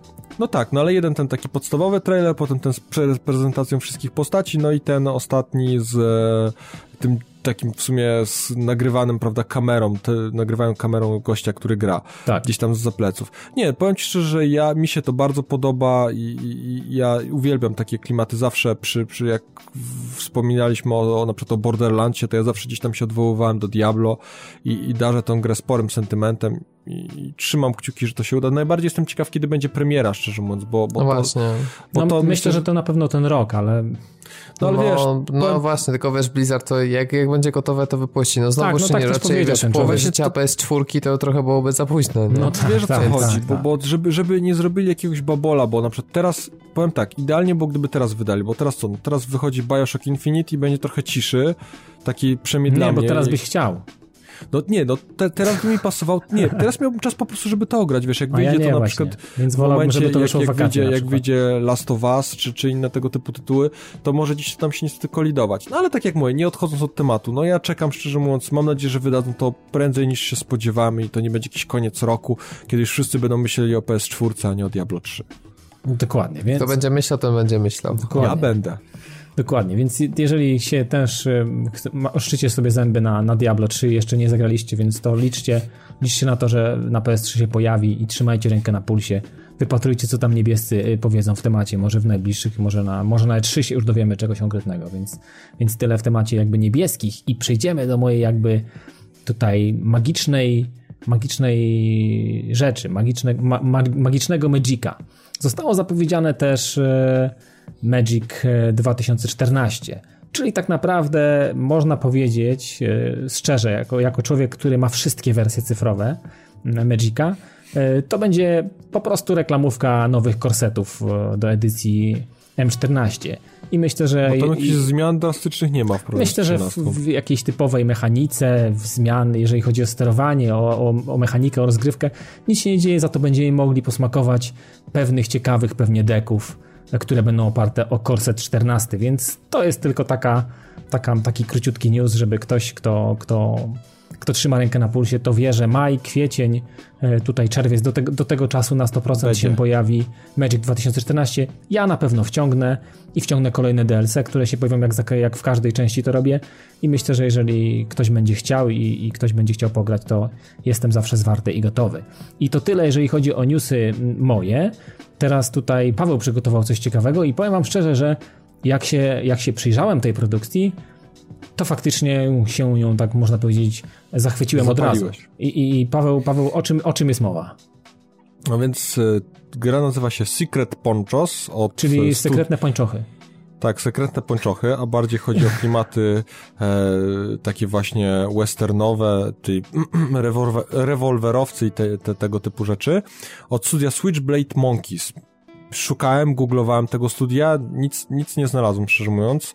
A, i, i, i- tak nie wiem, czy to jest ich pier... chyba ich pierwsza produkcja, tak mi się przynajmniej wydaje, jak, jak szukałem. No jeżeli tak Może- jest jak mówisz, to to będzie niezły debiut. Do, to dobry debiut. Taki, chyba tutaj się spodziewałem bardziej dystrybucji e, cyfrowej, bo to bardziej taki tytuł. Z widoku, prawda, gdzieś tam z, z lotu ptaka lekko widzimy naszą postać. No i jest taki typowy western, westernowy shooter. Mamy tam kilka postaci do wyboru. E, zresztą trailer to bardzo ładnie pokazuje, jak to tam wygląda. Każda ma jakieś swoje specyficzne umiejętności, ale to, na co trzeba naprawdę zwrócić uwagę, to, to przepiękny taki mm, design samego konceptu graficznego. To jest wszystko naprawdę ładnie zgrane. Te postacie ani nie są fotorealistyczne, to takie bardziej kreskówkowo animowane, ale w, w bardzo spójne w tej całej oprawie i, i no moim zdaniem wygląda naprawdę ciekawie. Mm, gra będzie oczywiście na Xboxa 360 i PS3, nic nie mówią o wersji PC-owej. Ma się ukazać jeszcze w tym roku i szczerze mówiąc, no mamy trailer. Jest dostępny trailer, zobaczcie sobie Secret Ponchos. No z takim Mm, lekkim gameplayem, tam są też elementy gameplayowe. tak, tak, tak, są, są, są fragmenty gameplayu i, i moim zdaniem wygląda bardzo ciekawie. Ja lu, lubię Znaczy- takie tytuły, które się wyróżniają w jakiś sposób, jeżeli chodzi o, o taką fajną, ciekawą oprawę. Pytanie, jak to się jeszcze sprawdzi gameplayowo, i, ale to już takie... No, ale dokładnie taki rzut z góry. Nie, Dla mnie to jest tak, Że z góry to przecież to nie jest nic takiego nowego. No, tutaj mamy na przykład y, pierwsze z brzegu Ben Zombie Burn i... Ale Nie wiesz wiem, co, wiesz czy- co, mi się podoba w tym... W, tym- w Znaczy tym, w tak, tym... ja tutaj graficznie to bardzo, bardzo fajnie, taki, taki, też mi się spodobała ta, ta, ta rodzaj ma, grafiki. ma, ma, ma to klimat, no jest to Dla mnie to jest wszystko- takie Dead Nation. No tak, tak, tak. No tak, tak, Jak to, to- to... też, też coś w tym stylu. Ja, ja lubię, jak, gry gdzieś tam w jakiś sposób się wyróżniają. Ta się na pewno wyróżnia takim fajnym, sp- spójnym stylem, różne jakieś klimaty, te kilka postaci, które gdzieś tam klasycznie, jak to w grach gdzieś tam się przewijają, ale, ale, ale, ale no, mi to pasuje, mi to w, w jakiś sposób y, wkleja i, i chętnie, chętnie bym zobaczył, jak ten tytuł się sprawdzi, jak to będzie wyglądało. A tak jak mówię, musimy poczekać po prostu do premiery, żeby coś więcej powiedzieć, czy jakieś tam demo, jak się pokaże, to myślę, że będzie wtedy najłatwiej się wypowiedzieć. No i Paweł, spodziewam jeszcze, się coś rac- masz. jeszcze masz jakiś news, Tak, a tylko, no a a propos tego Secret Ponchos, to spodziewam się, że ta premiera będzie stosunkowo szybko, bo to raczej nie jest tytuł, który będzie tam budował hype na miesiące przed, więc to może być bliżej niż się szczerze mówiąc spodziewamy. Tak, e, mam jeszcze jednego newsa. W zeszłym roku na GDC e, został pokazany tajemniczy trailer z gry Phantom Pain. E, no i tam po dogłębnych analizach przez graczy, dziennikarzy i nie tylko, i pasjonatów, ludzie się dopatrzyli wielu jakichś takich spójności. Zresztą główna postać w samym, w samym trailerze bardzo mocno przypomina mm, postać z gry Metal Gear Solid, prawda? Tutaj mówimy o Snake'u, tak? Mam nadzieję, że nie pokręciłem, bo ja w tym uniwersum zawsze gdzieś tam się lekko plączę, bo tych tam Snake'ów, Solidów, Liquidów, wszystkiego i Raidenów to są całe tony. Ale chyba z tego co mówię, to, to, to, to mówimy o Snake'u i w każdym razie e, był pokazany trailer i ta postać właśnie bardzo mocno przypomina, mimo że tam miał gdzieś fragment głowy zabandażowany, nie było do końca to powiedziane wprost, rewelacyjnie, graficznie, podejrzenia, że to będzie na następną generację, stwierdzenia, że to będzie też na to, więc to na jakichś takich różnych dziwnych informacji. Oczywiście pierwsze pytanie to było do Kojimy, czy to jest jego produkcja. On się nie przyznawał, on mówił, że, że on nic na ten temat nie wie, przynajmniej nie było jakichś potwierdzonych informacji, nic nie, nie, nie, e, nie, nie, pojawiało się. Mm, No i, i w ty, w, po, po, po jakimś czasie, dopiero teraz, całkiem niedawno, okazało się, że za produkcję jest odpowiedzialne studio Moby Dick. No i po, pojawiło się jeszcze jakiś czas temu dziwne zdjęcie szefa tego studia z zabandażowaną twarzą, jak, jak jedna z postaci z trailera, więc tam ludzie też spekulowali, kto to jest. Niejaki Joachim Morgan, e, Mo, Mogren, przepraszam, Joachim Mogren. E, no i, i, i parę dni temu e, na Spike TV e, pojawił się mm, wywiad e, z niejakim właśnie Joachimem M- Mogrenem. No i tam ten facet odpowiada na pytania, wszystko jest ok. Tak, tak samo jak, jak w przypadku tego zdjęcia ma zabandażowaną twarz, więc to wszystko. Mm, ma jakiś tam element tajemnicy. Na koniec oczywiście jest zabawny gag, ale to sobie sami zobaczcie, jak to wygląda. Nie będę tutaj nic, nic zdradzał. O co chodzi? Okazało się, gracze gdzieś tam się doszukali, zresztą mm, chyba z tego co już wiem, Kojima nawet potwierdził, e, okazało się, że pan Joachim Mogren jest twórę, tworem e, Fox Engine'a, i jest y, tylko animacją komputerową. No i powiem wam szczerze, że mnie to bardzo pozytywnie i, i tak szczerze mówiąc nawet trochę rozbawiło cała ta taka rozbudowana intryga Kojimy, żeby ten silnik jak najlepiej zaprezentować, pokazać taki fotorealizm tej postaci, bo trzeba przyznać, że naprawdę wygląda to rewelacyjnie. Mm, I, i, I to jest fajny też zabieg, żeby pokazywać takie rzeczy i pokazywać ludziom, że ta granica już jest w jakiś sposób przekroczona, czy jesteśmy bardzo blisko tej gr- granicy fotorealności animacji w grach, Mm, ponieważ jeżeli nie mamy o tym pojęcia, że jest to, jest to generowane silnikiem z gry, to wiele osób patrzy na to w trochę inny sposób. Nie doszukujemy się błędów, tylko łapiemy jakby całość. I tutaj, jeżeli na to patrzymy w ten sposób, to naprawdę trudno jest się dopatrzeć jakiś tam, tam gdzieś się doczepili, że jakieś ząbkowanie przy, e, jakieś linia jest dziwna przy zębach, ale to są naprawdę, moim zdaniem, detale. No nie wiem, a chłopaki tak tylko krótko, nie będę was tutaj dopytywał o to, co sądzicie o tej historii, ale widzieliście trailer i uważacie, że, że to już jest ten, ten etap fotorealizmu, czy, czy jednak jeszcze nie? Znaczy ja ci powiem tak, no pamiętam jak, jak podesłałeś tutaj nam e, ten wywiad, tak, tak to wyglądało. Fikcyjny E, wywiad. No fikcyjny No wywiad, śmieję się, tak, tak. E, ale wiesz, no tak odpaliłem sobie, no gadają, no fajnie, okej, no i, i co z tego? Ja nawet się nie skapnąłem, że to, że to jest y, robione komputerowo całość. Dopiero te, teraz przed, przed nagraniem, jak mi powiedziałeś, to tak sobie obejrzałem, że rzeczywiście, że to tak coś tam powiedzmy z tymi zębami było widać, ale naprawdę jestem bardzo pod wrażeniem tego Fox Engine'u, bo no to jednak jest duży krok naprzód, że, że tak, taki realizm są ludzie w stanie osiągnąć, że, że praktycznie nie widać różnicy między e, żywym człowiekiem a, a tworem komputera, prawda? Przecież No pamiętamy, jak, jak to wyglądało kiedyś. No, a ja powiem wam ciekawostkę, która was nie obchodzi, że Pro Evolution Soccer 2014 będzie korzystał z, te, z tego silnika i będzie Dlaczego next nie genowy. interesuje? To, moim zdaniem bardzo dobry, dobry news, wiesz, że... Znaczy, no bo nie interesują was gry kopane, ale wiesz, Nie. jeśli taki poziom fotorealizmu wejdzie na animację na przykład piłkarzy i ich twarze, no to... to, to I widowni. To, rzeczywiście, no widownia będzie ciężko, no się to nie spodziewał, żeby wygenerowali cały stadion pełen takich Ale takich wiesz, na, na, przykład w takich grach wiesz? jak e, NBA nie, czy e, w NBA-ach i NHL-ach publika robi niesamowite wrażenie, jest wiesz, pełen trójwymiar, nie są takie sprite'y czy jakieś w ogóle, wiesz, brzydkie piksele, tylko tam jest, wiesz, na animacjach, tam jest naprawdę super A sobie zrobione. pomyśl sobie jak ten, jakby to fajnie mogło wyglądać, jak powiedzmy cała ekipa, która pracuje nad... Yy nad grą siedziała w tych pierwszych rzędach, żeby jesteś w stanie ich zobaczyć czy coś. No, no, no tak, taki, właśnie, jako takie... taki feature tam. Ja myślę, że Kojima tam właśnie kombinuje jak dużo takich dziwac zrobić na swoim silniku, bo to no, nie byłby się. sobą, gdyby tego nie zrobił. No nie, podoba mnie, mi, mi generalnie przypadł do gustu mm, forma prezentacji tego, że to jest takie, z jego, Kojima ma zawsze taki pomysł właśnie, jakiś taki twist w tym wszystkim jest, że, że no nie jest to takie wprost, mógł zrobić konferencję, pokazać silnik, prawda, powiedzieć, że tutaj fotorealizm w ogóle, a zrobił trochę takiej intrygi i, i, gdzieś tam z graczami się bawił. Moim zdaniem rewelacja. Mi to strasznie przypadło no, do gustu. Tak z jajem, nie? Tak, no i mają z tego co wiem a propos tego Phantom Paina na, na, na GDC, tak? Dobrze mówię? Na GDC mają coś pokazać e, więcej jakiś, ma, ma być jakiś panel i ma tam coś zaprezentować. Ma, zresztą ten sam Joachim, wirtualny twór, mówił, że, że będzie wszystko powiedziane na temat tego tytułu, czy to będzie next genowy, czy tego genowy, czy tam inne różne ważne informacje na ten temat.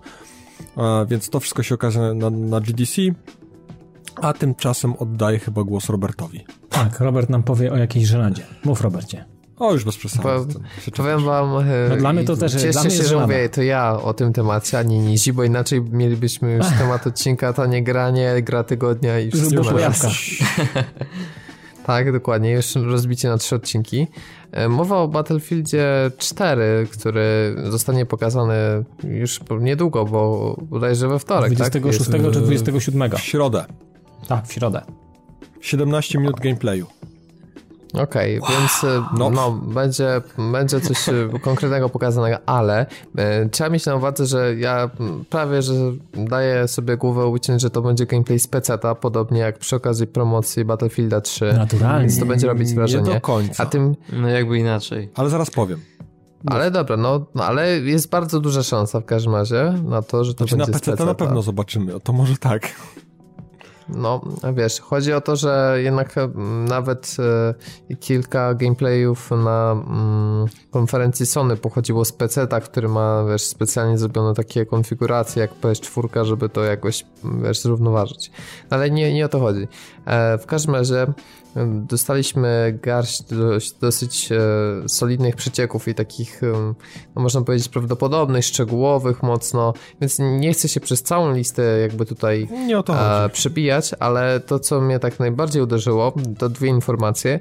Po pierwsze, że e, na konsolach nowej generacji Battlefield 4 będzie działać w rozdzielczości 720p, czyli te 1280 na 720 co prawda w 60 klatkach. W 60 klatkach. tak, w 60 klatkach. mam podwójną I jeszcze biegunkę. jedna informacja, która się z tym wiąże, że biblioteki DirectX 11 będą obsługiwane tylko i wyłącznie przez wersję PC-ową. I nastała cisza i wszyscy mają biegunkę. Nie, nie, nie wszyscy mają biegunkę. Znaczy, wiesz co, powiem ci tak.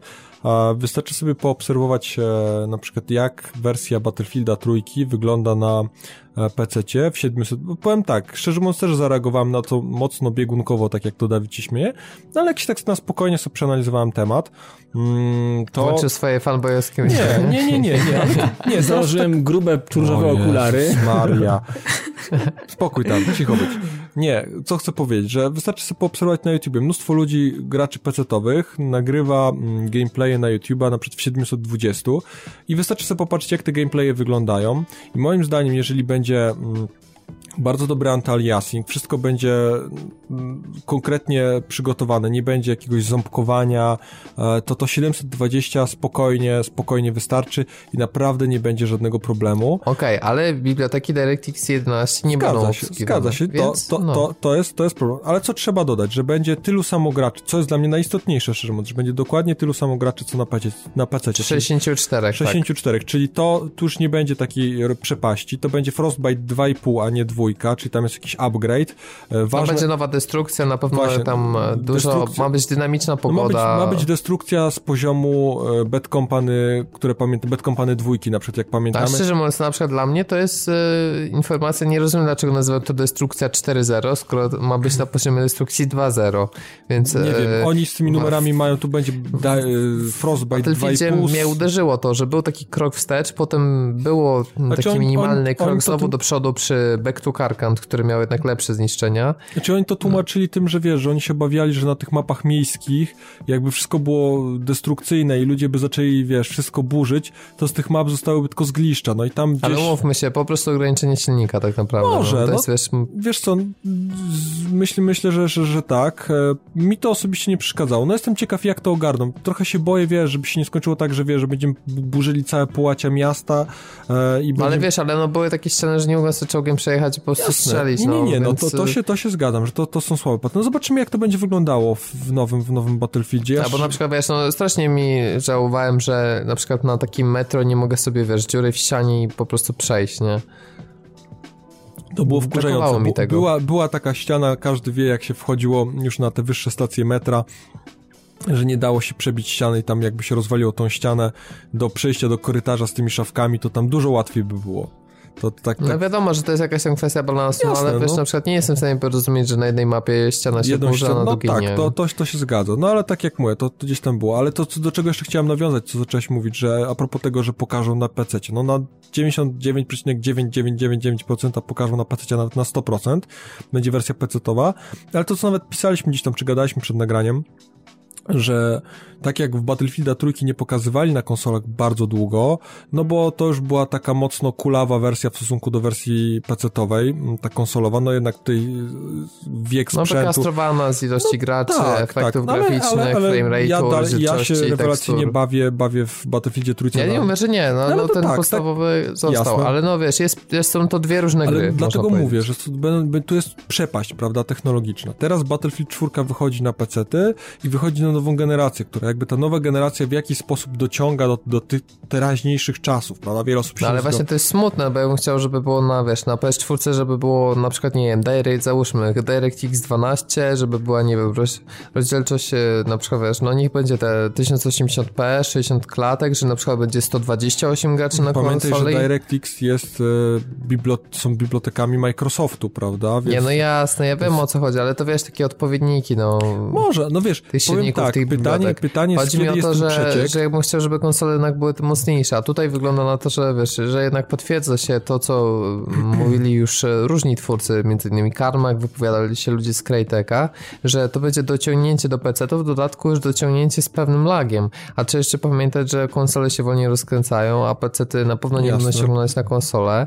Czy wiesz, i ratować, to będzie problem za ratować, lata. ratować tytuły na pewno będzie dużo większa e, i lepsza optymalizacja, bo jednak na konsolę zawsze na tą optymalizację dużo więcej czasu się poświęca. Jak, jeżeli chodzi o tytuł PC-owy, to po prostu dopisują, że musi być pół gigabajta RAMu więcej, bo im się coś nie mieści i tyle.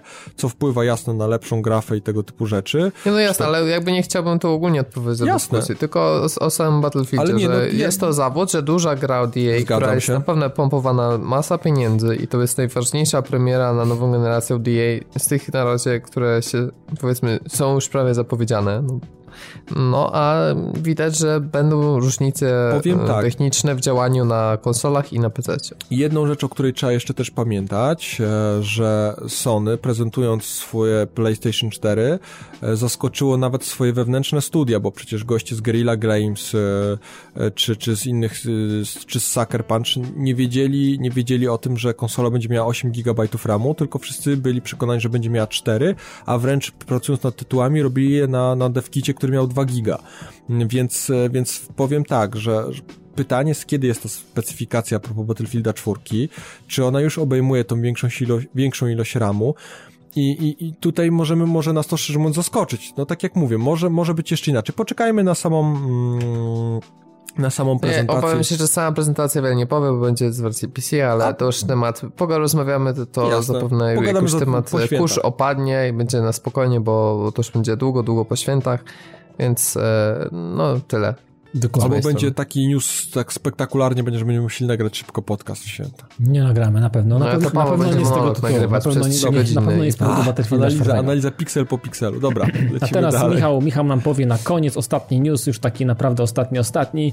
Będzie powrót y, do platformówki i Michale, y, powiedz nam, co, co, co nam będziesz tutaj prezentował, o czym będziesz nam mówił, bo coś nowego się pojawiło. Znaczy, preze- prezentować może nie będę za dużo, bo tytuł był omawiany w y, którymś z poprzednich, y, z poprzednich podcastów, to, bo To zapowiedz coś fajnego, zapowiedz. Y, Chodzi tutaj o grę Gianna Sisters, y, o którym nawet ty, ty nawet wstawiałeś, Dawidzie. Tak.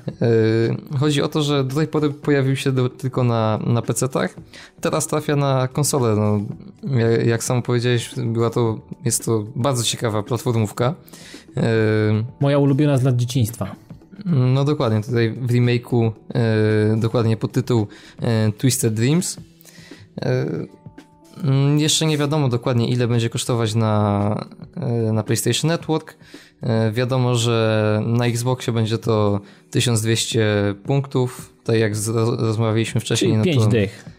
No, to tak jakieś 5 dych na, na PSN-ie, także e, według mnie tytuł ciekawy, aczkolwiek jakby to kosztowało 5 dych, to trochę za dużo.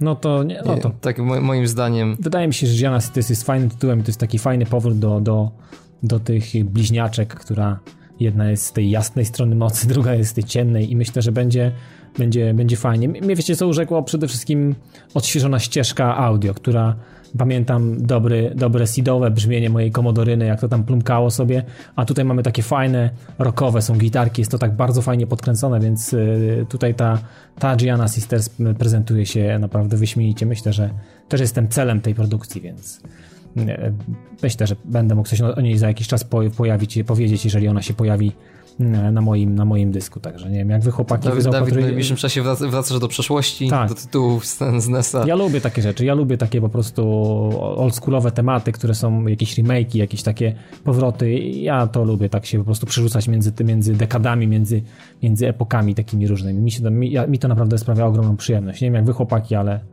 Paweł, pa, Ja nie Robert. do końca. Paweł, Znaczy ja, ja akurat Sisters jakoś tak strasznie e, mnie nie zakręca, więc bardziej DuckTales. O, może Aha, no okej. A ty Robercie? No, ja to tak, tak się nie jestem w ogóle z platformówkami, więc, Okej. więc o, powiedzmy, że nie dla mnie akurat ta gra. Dobrze, więc e, to był ostatni news. Myślę, że zebraliśmy naprawdę fajne, tutaj ciekawe rzeczy w tym tygodniu. I teraz przejdziemy sobie do kącika prowadzącego. Ja będę chciał się tutaj odnieść do rzeczy, które mnie strasznie zabolały. Ja, ja jakiś czas temu pozbyłem się o pięciu latach. Po pięciu latach, wyobraźcie sobie, pięć lat byłem przywiązany do jakby do jednej maszyny i do jednego No, systemu. no to w sumie od początku chyba, nie? Bo 5 lat już, no teraz już 6 będzie, ale od premiery pierwszego iPhone'a. Tak, byłem przywiązany do iPhone'a i do iOS-a przez 5 lat. Pamiętam, pamiętam mm, mój pierwszy iOS to był wersja 2.2 i dojechałem aż do, aż do, do, do, do szóstki, tak można powiedzieć naprawdę. Yy, I pozbyłem się iPhone'a. Pozbyłem się iPhone'a mm, na rzecz telefonu firmy Sony Xperia T Dum, dum, dum. wersji, wersji Telefon Bonda dla prawdziwych mężczyzn. wersja, wersja bondowa. E, I, i, i, i okej, pozbyłem się. To był mój krok, to było moje ryzyko. Nie wiedziałem, że aż ryzykuję, że aż tak bardzo ryzykuję. Walczyłeś ze swoim wewnętrznym fanboyem. I nie, po prostu walczyłem z przyzwyczajeniami. Walczę z przyzwyczajeniami do, do dzisiaj. E, może powiem tak, e, jeżeli chodzi o sam aparat, sam aparat jako, jako sam aparat, jako sam telefon jest bardzo fajnym telefonem. Jest naprawdę świetnie zrobionym, jest, y, obra- ekran jest bardzo dobrej jakości, bardzo fajnie to wszystko funkcjonuje, jest to płynne, szybkie. Jest to w miarę dobrze wykonany telefon, jeżeli chodzi o materiały użyte, jeżeli chodzi o plastiki, o przyciski o w ogóle o wszystko. Problem mogę powiedzieć mam tylko i wyłącznie jeżeli chodzi o baterię. Tutaj to jest, to jest żenujące, bo No ale to jest chyba urdenka teraz wszystkich aktualnych telefonów, Myśl, myślę, że nie. Myślę, że to nie jest. Y, To jest, to jest akurat y, wyjątkowy przypadek według mnie. Bo Znaczy wiesz w co, ale masz problem, żeby jeden dzień wytrzymać, czy dwa dni? To jest dla ciebie, że słabo. No wiesz co, ja przyzwyczajenie z iPhone'a mam takie, że miałem 4 dni. A nie, no to żaden smartfon, to sorry, to teraz nawet No wiesz, i teraz, i e, teraz y, Xperia... Nawet nowy iPhone ma problem, to dwa, dwa dni to jest tak wiesz, raczej średnia, a No takie właśnie, telefony i- jak Galaxy Note 2 na przykład, albo jakiś tam e, Motorola e, Droid Razer Max, to one rzeczywiście mają duże baterie, ale to to są wyjątki raczej. Teraz Dokładnie, więc- standardem smutnym niestety jest jeden dzień, codzienne Myślę, że będę musiał z telefonu. tym się przeprosić i z tym jakiś, jakiś sposób żyć, przynajmniej przez następne dwa lata. E, druga sprawa. E, wiecie co? Ja nie zdawałem sobie sprawy z tego, że operator, który mm, można powiedzieć handluje takim sprzętem e, i myślę, że mogę tutaj bez owijania w powiedzieć, że jest to Orange, będzie, będzie strasznie robił pod górę użytkownikom nie tyle już może samego aparatu, samej Xperii, co użytkownikom systemów, bo tam mamy w środku Android. No to jest Android, to też jest moje duże przejście. To ja zrobiłem dwa duże takie kroki i nie wiem na razie, czy one są do przodu, czy do tyłu. I to było przejście dość drastyczne.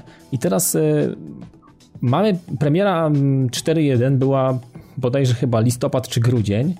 Na chwilę obecną Orange ma gdzieś e, użytkowników swoich e, użytkowników i No, właścicieli problemy tych i to powiedzmy, telefonów. że nie tylko z Orange'em, ale ogólnie, no niestety jak mamy brandowany soft, to e, aktualizację Androida wypuszcza Z jakby operator. Dobrze. Operator i oczywiście z olbrzymim opóźnieniem, a często dla modeli, które jak, w jakiś sposób, nie wiem, nie sprzedały się po myśli operatora, no to Nie ma tego Nie, nie ma, mimo że na przykład Sony udostępnia oficjalną aktualizację, no to Orange stwierdza, że im się nie, nie opłaca dostosowywać i olewają. A Robert, ja te argumenty, no chcąc, nie chcąc, przyjmuję. One są dla mnie w jakiś sposób sensowne. Nie sprzedał się telefon, nie będziemy nad nim pracować. Jest to argumenty jak najbardziej zrozumiałe. Natomiast niezrozumiałe jest na mnie, dla mnie to, że jeżeli y, operator branduje telefon, blokuje go w sposób taki dosyć hardkorowy jako jedyny operator w kraju. Także pamiętajcie, jeżeli będziecie chcieli kupić telefon z Orange, wziąć go w abonamencie, to zastanówcie się naprawdę 5, 10, 20 razy, bo No właśnie, dlatego telefon na jest Allegro one średnio chodzą 300 zł, 400 taniej Telefon nie, jest tak poblokowany, że rutowanie tego telefonu i specjalistom, um, którzy zajmują się takimi e, procedurami, takimi, takimi e, rzeczami, zajęło to bardzo dużo czasu, żeby go No zrutować. bo tam jest zablokowany bootloader i Zablokowany jeszcze jest jest dostęp do TA i do, boot, tak, tak, samo, i do, do, do, do bootlo- bootloadera i problem z Simlockiem. Oczywiście Simlocka możemy ściągnąć, to jest odpłatne w salonie jakby Orange, on koszt, to kosztuje 20 zł, ale to nadal, nadal, nadal mamy telefon zablokowany i nadal zablokowany mamy bootloader. W każdym razie Ale to to, jest- chyba da się obejść i złamać, czy nie? czy no to jest... nie, to był straszny problem, szczególnie przy softach z końcówką 1.9.5 i brandowanych tych, brandowanych y, pod Jamesa Bonda. Szczególnie to jakieś takie było strasznie, y, tutaj się nie mogli się za bardzo chłopaki zebrać. Dobra, to jest jakby tutaj aspekt telefonu, więc uważajcie na Orange, naprawdę przestrzegam. A druga sprawa, teraz bym powiedział trochę o systemach, bo od, odpalając Xperię byłem, byłem przekonany, że ten system jest y, tak bardzo otwarty i tak bardzo możliwość kustomizacji tego systemu jest tak ogromna, że będę mógł zrobić w nim absolutnie wszystko i będę mógł przeskoczyć rzeczy, których nie mogłem przeskoczyć na iOSie, mimo robienia, nie wiem, mm, jailbreaka, czy, czy mm, jakichś innych tam próby zabiegów, jakiejś kustomizacji w jakiś sposób za pomocą aplikacji, czy, czy różnych rzeczy. Okazało się, że nie, że jestem traktowany z buta przez Android tak strasznie, że nie jestem w stanie do dziś cieszyć się tym telefonem. Wyobraźcie sobie taką, taka rzecz, która na dzień dobry uderzyła mnie po prostu takim, taką grubą podeszwą w czoło, że mając pięć ekranów, nie mogę usunąć czterech, na których nic nie mam, bo, bo, bo nie mogę. No po prostu, jak ja to zobaczyłem, to mnie ale wyszła to żyła, akurat nie, jest- żyła, to jest- żyła, to żyła na czole mi bez wyszła, wiecie, to wyszła mi Ale żyła powiedział, że Y. to jest straszne, tylko że ja się dziwiłem, bo na przykład nakładki Samsunga czy HTC to umożliwiają jakąś tam kustomizację w tym No, bez zakresie. problemu I, i miałem nakładkę, ja mam, teraz nakładkę Samsunga, miałem HTC i bez problemu sobie wszystko customizowałem, także... No właśnie, więc tutaj duży minus też dla Sony, bo mm, no właśnie Tak. to jest ten problem z Androidem, że jednak nie sposób kupić telefonu bez nakładki, bo to jedynie Nexusy są sprzedawane bez nakładki i też mają pewne tam ograniczenia w tym zakresie kustomizacji. e, bo też, żeby mieć taką pełnię, to trzeba sobie zrutować telefon. Natomiast e, no tutaj Sony ewidentnie w, w paru kwestiach, jak tak opowiadałeś, no to dało ciała. No ja się zgadzam, że to jest wielki bubble i że Druga- m- prze, druga przeciąganie sprawa- po czterech pustych Tak, tak, to, to jest jest- to jest żenujące. buła, no. I No, to, to, to, to jest... po bokach i na nie nie zaglądasz i tyle, i po temacie, to czym, czym Paweł, się stresujesz? Paweł, o czym ty do mnie rozmawiasz? Nie miałeś No. iOS-a w ręku. I to widać. O Jezusie. Y, No, Druga sprawa. Korzystam z telefonu, też mam pięć zakładek tak jak ty i, mam nie Ja już nie mam, ja wszystkie. mam jedną już teraz. Już. Tak? Usunąłeś sobie. No to Nie, jesteś już po prostu kupiłem człowiekiem. aplikację, która kosztowała 13 zł, żeby to zrobić. To jest No, żenujące. no to ja tego już nie skomentuję. Dobra, teraz kolejna sprawa i tutaj Robert też pewnie cierpisz na, będziesz cierpiał, bo ty też będziesz miał telefon z Androidem, z tego co mówiłeś. No ja niedługo właśnie też będę zmigrował z iOS-a na odpalamy Android. Facebooka. Pierwszy przykład z góry. Zjeżdżamy przez Mhm. nasze aktualizacje na sam dół. Przyjeżdżamy, nie wiem, chcemy oblukać cały dzień. Zjeżdżamy na sam dół i teraz powrót na górę. I ja sobie No mówię, wiem, a to jest rzeczywiście rzecz, która jest strasznie... Gdzie my no, jesteśmy? No. Co to jest za kraj? Co to jest w No, ogóle? to będzie Tapnięcie w belkę na górę nie brakować. istnieje coś takiego w Androidzie. Nie ma tapnięcia na belkę do góry i powrót na, na, na, na, na home do góry. Po prostu... Nikt, kto dłużej nie używał iOS-a, to nie będzie rozumiał, Nie wie, o czym mówimy, ważna to jest dokładnie. funkcja i jak, jak się staje po prostu naturalnym elementem interfejsu. Dokładnie. I to rzeczywiście to jest rzecz, która mnie najbardziej martwi i tak jak już pisałem nawet e, na ten temat na Twitterze i to jest taka rzecz, która wydaje się być mega pierdołą, ale z drugiej strony też no straszną taką, no wiesz, no człowiek się przyzwyczaja i właśnie w takich aplikacjach jak Twitter, Facebook, no to aż się prosi, Aż się żeby prosi. była ta opcja szybkiego przewijania. Znaczy, powiem tak, to nie jest tak, że Android jest złym systemem. Android ma bardzo dużo fajnych, ciekawych funkcji, które mi się bardzo podobają. Ich mi bardzo brakowało w iOSie. Dużo takich fajnych, jakichś, yy, przede wszystkim szybki dostęp do pewnych rzeczy. Włączenie Wi-Fi, włączenie Bluetooth- Bluetootha, to na Androidzie to jest kwestia kliknięcia kciukiem. E, W iOSie trzeba było się dogrzebać do tego gdzieś głęboko, albo mieć jakieś SBB zainstalowane na No iOS bez jailbreaka jest moim zdaniem bardzo mało funkcjonalny i dopiero jak zainstalowałem sobie jailbreak, to Tak, doszło do tak. mnie, jak, jak duży potencjał jest I taki jeszcze jeden kolejny mój żal na koniec, który też mnie mocno jakby, no, uziemił mnie, można powiedzieć. Usiadłem jeszcze bardziej w fotelu, że ja posiadam kilka skrzynek pocztowych e, w różnych konfiguracjach. Są to iMapy, są to Exchange, są to na przykład popy, mm, albo inne kustomizowane serwery i teraz nie mam czegoś takiego jak jedna konkretna, normalna, funkcjonalna aplikacja do obsługi wszystkich rodzajów e, kont mailowych. Muszę ściągnąć sobie do Google, do e, swojego iMapa, do Exchange'a. Muszę mieć wszystkie, róż, różne skrzynki pocztowe muszę mieć w różnych aplikacjach. Nie mam wszystkiego w jednym worze. W iOSie to było genialne, że miałem jedną aplikację mailową i tam miałem wszystko. I to taki ostatni mój ból właśnie na koniec, że muszę mieć y, albo jakąś aplikację. Jeżeli ktoś w ogóle słucha i zna Androida na tyle dobrze, jest mi w stanie polecić, żeby moje rozwiązać moje jakby takie rozterki, jakieś aplikacje, które powodują, że mogę mieć wszystkie maile w jednym worze. No akurat tapnięcia belki mi nikt nie pomoże w tej kwestii. Z ekranami sobie poradziłem i myślę, że dalej będę eksplorował ten system, żeby się jakoś w nim odnaleźć. To Możesz ja prostu... polecić naszym słuchaczom, jak się program nazywa w komentarzach. Nowa Launcher. Nowa Launcher. Jeżeli chodzi o kustomizację po- ekranów, to Nowa Tak, Launcher. jednak mówisz, że, że nie spełnia twoich oczekiwań, to Wiesz ja co, ja go, ja, go, ja go dokładnie z, o, jakby przeszukałem sobie tam, po- próbowałem pewnych opcji, kupiłem wersję pełną i, i jednak okazuje się, że on coś tam robi. No problem jest z widgetami, nie działają te oryginalne z Androida, no ale no nie można mieć wszystkiego. To jest, wiesz, za dużo szczęścia na raz bym miał, więc, więc ja jeszcze... Ale to jest dla kogoś, który ma, to właśnie polecamy tym osobom, które chcą mieć wygląd oryginalnego Androida, Tak. a mają jakąś nakładkę Tak. i nie, nie trzeba rutować telefonu, Tak. więc to jest duża zaleta w tej Więc ja tej- jeszcze walczę z demonami i, i ta walka będzie się pewnie jeszcze długo, długo będzie trwać. No tak, to zawsze tak jest, że wiesz, że korzystając z danego systemu nie dostrzegamy wad y, u konkurencji, tylko właśnie często zalety, bo czegoś nam tutaj brakuje, a potem z kolei mierzymy się z wadami, które dla nas na iOSie były rzeczami oczywistymi, a Dokładnie, tutaj nie są. dokładnie. Więc to zawsze trzeba mieć na uwadze migrując systemy i... Dlatego to było na i- tyle. Chciałbym te moje spostrzeżenia, żeby ktoś, kto może jest na, na momencie przejścia albo gdzieś będzie chciał poszukać czegoś nowego, niech sobie weźmie to do serca, co ja powiedziałem. I teraz przejdziemy sobie fajnie dalej, będziemy mówić o mobilnych sprawach, pójdziemy sobie dalej w iOS, bo o, na Androidzie nie zamierzam grać. bo jestem obrażony trochę na ten system. Foch. Będziemy mówić o iOSie. Foch Jest, mam focha na Androida, Tak, a już nagranie na Androidzie focha. mam totalnego focha i w ogóle focham się na Androida mocno jeszcze, O. więc to mi musi trochę będzie przechodziło, ale Odlajknąłeś na Facebooku Androida? Wiesz co, chyba nawet nie śledzę tego profilu. No, ale to e, wiesz, nie to, to ja, bym, ja bym już tam jakiś hejt zap, zapodał, coś tam. Nie, nie, nie. nie. Nie? He- Hejt się należy Orange. Hejt poszedł na Orange, hejt, hejt, no hejt się należy Orange i Sony za, za, za próbę dziwne, jakieś e, ustawiania Ale się, jakieś pisałeś, ustawki pisałeś dziwne. do telewizji, y, do programu Wzruszyła mnie twoja historia. Pisałem do Orange, że, że A ja mam na nich wylane. myślę, że mogą cię przyjąć, byś mógł w telewizji Nie, powiedzieć nie, trochę. myślę że, myślę, że to za mało chodliwy temat. W każdym razie będę mówił grze, o grze Osmos. Gra Osmos jest takim ciekawym tworem, bo mm, trochę przypomina mi Flow.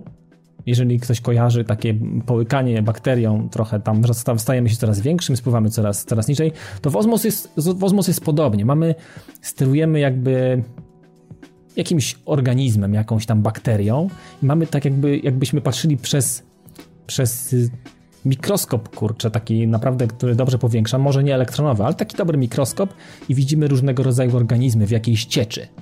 Mm, I po prostu próbujemy sterować, y, tapując w różne, w różne, w różne miejsca ekranu. Tapnięciami mm, próbujemy jakby zużywać tą, tą energię, albo tak, tą energię, którą posiada nasza komórka, którą sterujemy, nadajemy jej jakby kierunek. Takie spuszczanie powietrza, wiecie, z balonu. Na zasadzie tapujemy w jakąś konkretną stronę i z tej strony jakby powietrze nadaje ruch tej komórce, tej bańce, temu organizmowi, można powiedzieć, kierunek, w którym musi połykać te mniejsze, żeby się rozwijać, żeby rosnąć żeby jakby tutaj zwalczyć te, te, te pozostałe, które i wchłonąć je do siebie, żeby stać się jakimś tam największym organizmem i wtedy plansza, plansza się kończy. Nic by nie było, jakby tutaj nie mówię niczego super, to nie jest jakieś nowatorskie, ani w jakiś sposób nie, nie, nie jest czymś, y, co jeszcze się nie pojawiło, albo z czymś, co nie miałem do czynienia, albo nie znam. Ale wiecie co, zrobiłem jeden ruch. Przed każdym uruchomieniem tej gry sam deweloper zachęca, żeby grać na słuchawkach. I wiecie co, na początku mówię, no kurde, będę grał na słuchawkach w taką grę, gdzie się pika w ekran i tam się coś tam się ten... Ta, ta komórka gdzieś tam sobie lata, trochę je wciąga te bańki i, i koniec planszy. Czasami plansza trwa 30 sekund i, i koniec, nie? Ale wiecie, za którymś tam czwartym, piątym podejściem założyłem te swoje słuchawki, takie duże na uszy, nacisnąłem tak naprawdę i powiem wam, że to coś, to coś tam dzieje, jeżeli chodzi o dźwięk, o muzykę, to faktycznie wiem, wiem, dlaczego tak deweloperzy zachęcają. Wpadamy w taki jakiś, wiecie, w taki błogostan w ogóle. Te dźwięki, taki, taki, taki mocny ambient, taki, taki, taki aż, aż taki, taki przenikający strasznie, że jak pogra się chwilę, wpadasz w jakiś taki stan, jakiejś, jakiejś takiej hipnozy, takiego, wiecie, wyciszenia, takiego, tak jakbyś, jakby człowiek był po jakichś dropsach, kurczę. Nie wiem, jak jest po dropsach, ale myślę, że to tak może być właśnie, bo Jasne, wpadamy w jakiś taki, taki fajny, fajny, cie- cie- ciepły taki nastrój. Jest tak naprawdę bardzo przyjemnie. Nie chce nam się przerywać tej rozgrywki. A grając bez słuchawek, przechodziłem parę planż, czy 4, 5 i miałem dość. A grając na słuchawkach po prostu wsiąkamy, wpadamy w to wszystko i, i tak się bardzo mocno integrujemy. I powiem wam, że to bardzo fajnie wycisza w ogóle. Jest takim fajnym resecikiem na jakąś taką, nie wiem, czy jakąś napiętą sytuację, czy to sprat, czy, czy, czy gdzieś w ogólnie, ogólnie, bardzo fajnie tak luzuje i odstresowuje ta gra. Ale właśnie wtedy, kiedy się gra na słuchawkach. I to jest, to jest absolutnie fenomenalne takie, takie doznanie. Dlatego chciałem o tej grze powiedzieć, ale mówię już nie tyle w kontekście samej gry, co, co właśnie tych doznań, doznaniach y, czysto audio. Więc, więc tyle. Jeżeli ktoś chce się fajnie odre, zrelaksować i ma iOS-a, to polecam Osmosa, bo Osmos kosztuje chyba 99 eurocentów, więc to nie jest droga produkcja, a potrafi naprawdę bardzo fajnie wyciszyć. Mm, tak, a na Androidzie kosztuje 3 zł 19 groszy, ewentualnie demo jest za darmo. No to, to, to wszyscy, wszyscy są szczęśliwi w A, tym czyli momencie. jest Android i, i, i, i iOS dostępny, tak? Ale polecam, Tak, ja- ja polecam właśnie- ja właśnie zdecydowanie, odpaliłem. zdecydowanie na słuchawkach, także polecam, polecam. Dobra, i to tyle, jeżeli chodzi o mobilki. Przejdziemy sobie do premier tygodnia, bo są, są wyjątkowe, takie świąteczne, takie od zajączka, można powiedzieć, nie chłopaki? E, 20... W szczególności dla ciebie. Tak, z przyjemnością, przede wszystkim dla mnie.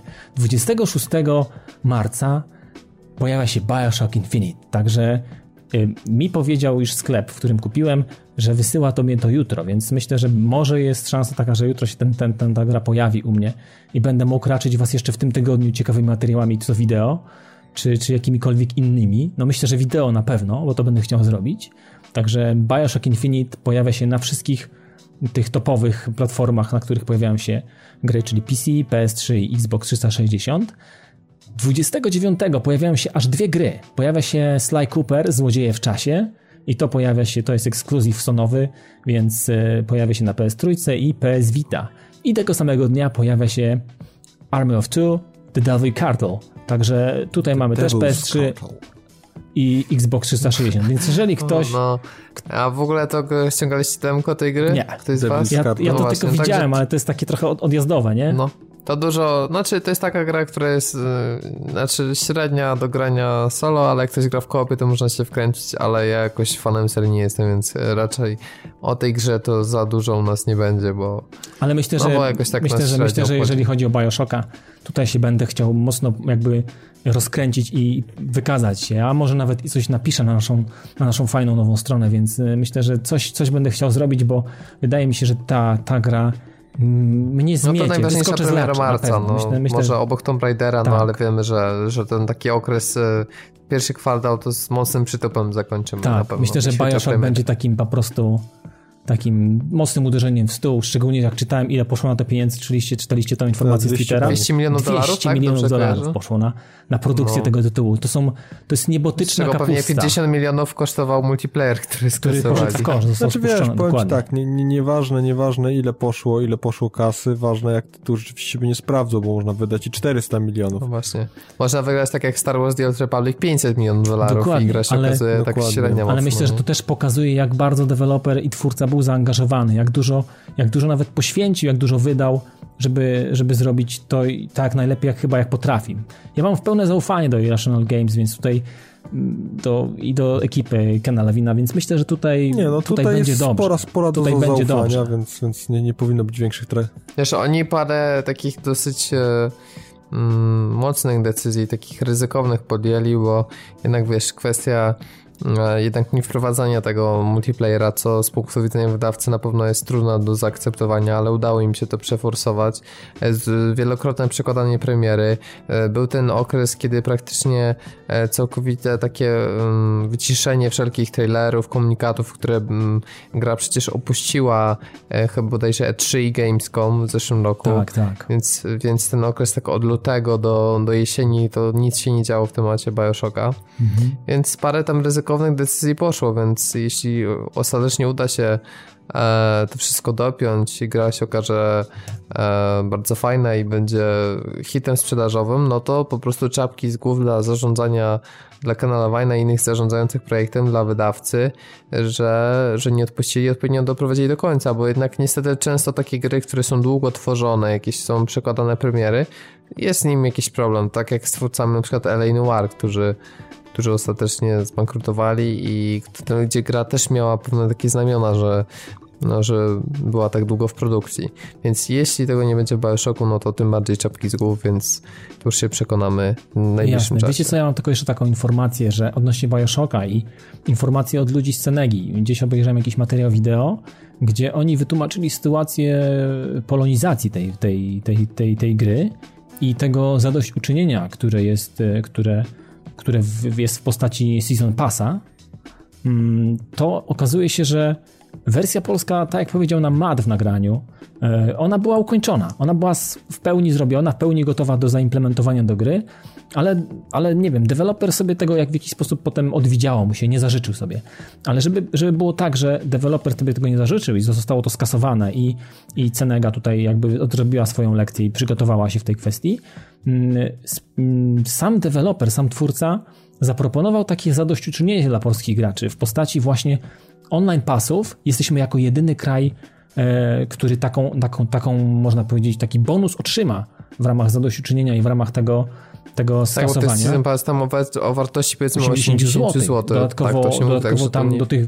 I co jest ważne, to nie tylko wersje preorderowe, tylko wszystkie premierowe wydania, oczywiście jakiś tam nakład, bo te, które wyczerpią się jakby magazyny i te, te zamówione, które zostały zamówione przez, przez wydawcę polskiego, one się wyczerpią, to kolejne już nie będą tego miały wersje premierowe, ale pewna pula pakietów premierowych, które są przewidziane na nasz, na nasz rynek, na nasz kraj, będą na półkach nawet miały tą, tą, ten, ten online pass, więc e, jeżeli ci, którzy nie, nie kupili preordera e, z, tam z tym steelbookiem i online passem dodatkowo, to niech się nie smucą, bo jeżeli trafią e, ten nakład premierowy, ten pierwszy sort na półkach, to jest szansa, że drapną też online passa ze sklepowych półek. Znaczy season tak, passa, tak, no, tego bo season, to- season passa, przepraszam, ja się pomyliłem, online pass, nie, nie online pass. Oczywiście to przepustka sieciowa jest jakby tutaj bez sensu, bo tutaj tej przepustki sieciowej jako tako nie ma, ona będzie tylko do ściągnięcia jakichś tam dodatków i, i pewnych rzeczy. No to jest jakiś po części online pass połączony z season passem, no bo te dodatki fabularne, No, które będą się tak, pojawiały, w, ka- w tak. każdym razie będą, mówię, pakiet dodatków o wartości 80 zł, więc deal rzeczywiście jest i to zachęta duża dosyć, no Tak. bo nawet jak tytuł stanieje powiedzmy o ileś tam złotych, no to jeszcze brak tego season passa powoduje, że, że nawet kupując, nie wiem, grę za pół roku, to pewnie wydamy tyle samo. Dokładnie. Jeśli ktoś chce grać w dodatki. Więc to rzeczywiście tyle, jeśli chodzi Dobra, o premiery. rozgadaliśmy się trochę o Bioshocku, ale to... Wiśnia Fanboye. teraz przyjmie pałeczkę. Wiśnia, Wiśnia przyjmuje tutaj pałeczkę A i... ponoć grafika ostatni- jest i tak do bani na konsolach. No to nic, to mnie nie obchodzi, w Bioshocku mnie nie i, obchodzi to jest. I to są znaki fanboysa. Fanboystwa. Nie, to, są, to, to, jest, to jest oznaka Nie, to są kochania uniwersum. myślenia. To jest pokochanie słabe serii, pokochanie... Uni... Nie obchodzi mnie to. Ja w Tak? tej, ja tej grze na pewno bardzo dużo wybaczę. wybaczę, analizować to Kolory wszystko znowu. biały.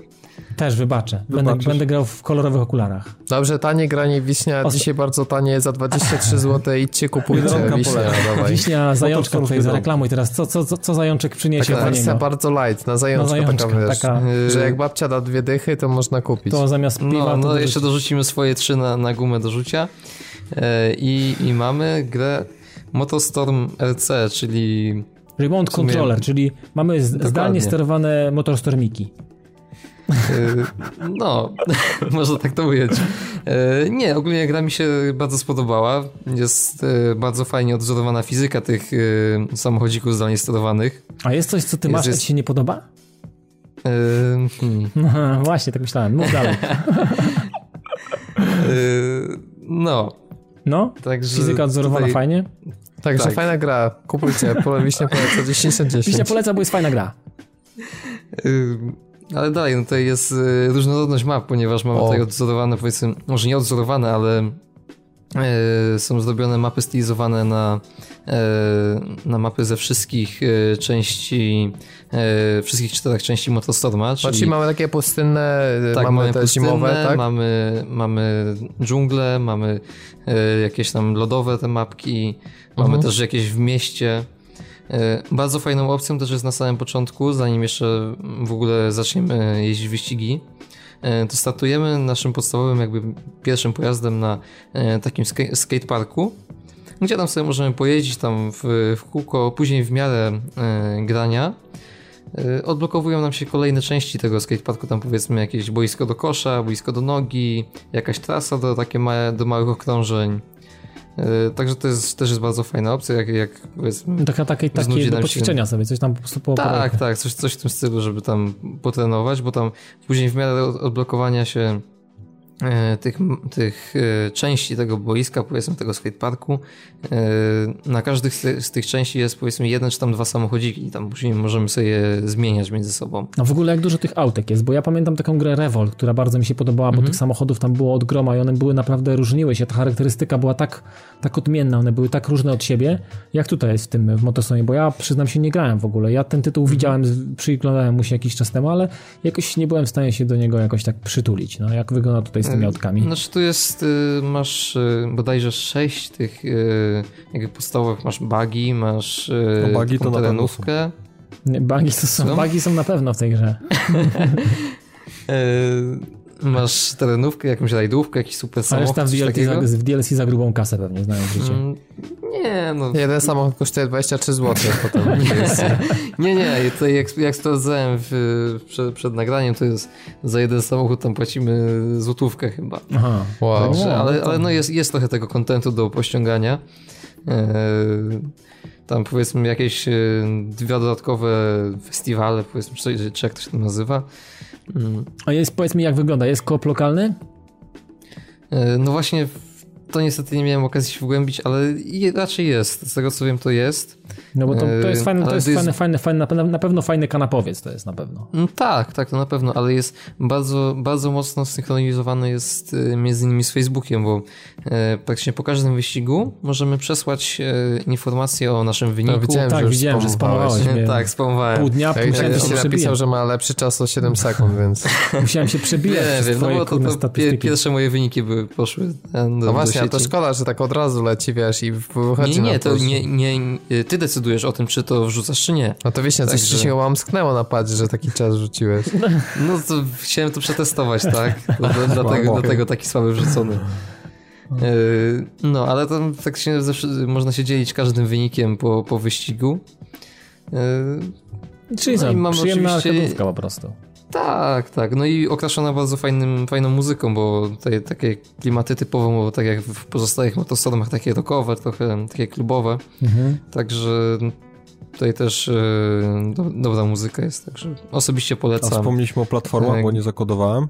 No PS3 i PS, i PS Tak. Vita. I PS Vita, tak. To jest Tak. także tutaj w tej kwestii. Tutaj No, nie jestem ja pewien, czy to tak wygląda z, z crossbuyem, czy, to, czy tutaj to ma opcję crossbuyu, ale Chyba, chyba Właśnie, możliwe, możliwe, że ma, ale może Myślę, być. że może tak. być. Jeżeli jest na może obu być. platformach, to myślę, że, że to można się bardzo spodziewać tego, że... to jest taki drobny, wiecie, tytuł, który... No ale tak, no, mówisz, to że chodzi sporo na, zabawek początku, na za początku dychy, życia PS Vity, prawda? Także? Tak, bo to przy premierze było. No ale wiesz, za dwie dychy. No dokładnie. ba, ba, świetna gra, naprawdę. Dobra, no to tanim graniem zamkniemy jakby nasz, nasz, nasz podcast, nasz podcast. I, I co? Myślę, że możemy wam życzyć tylko dobrych, wesołych, spokojnych Mokrych świąt, jajek.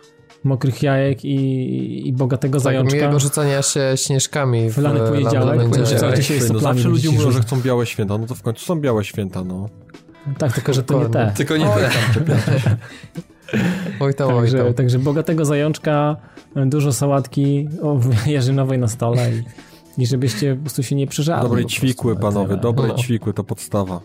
Dobra, dobra ćwikła nie jest zła, No. tak jest. No. To Także żegnamy się i do usłyszenia, tak jak pisali- mówiliśmy, 8 kwietnia słyszymy się ponownie, także trzymajcie się. A póki co wypatrujcie nas na tubie, stronie i tak, dalej. Trzymajcie się, cześć. Dokładnie. na razie, bez Na odbioru. razie, cześć.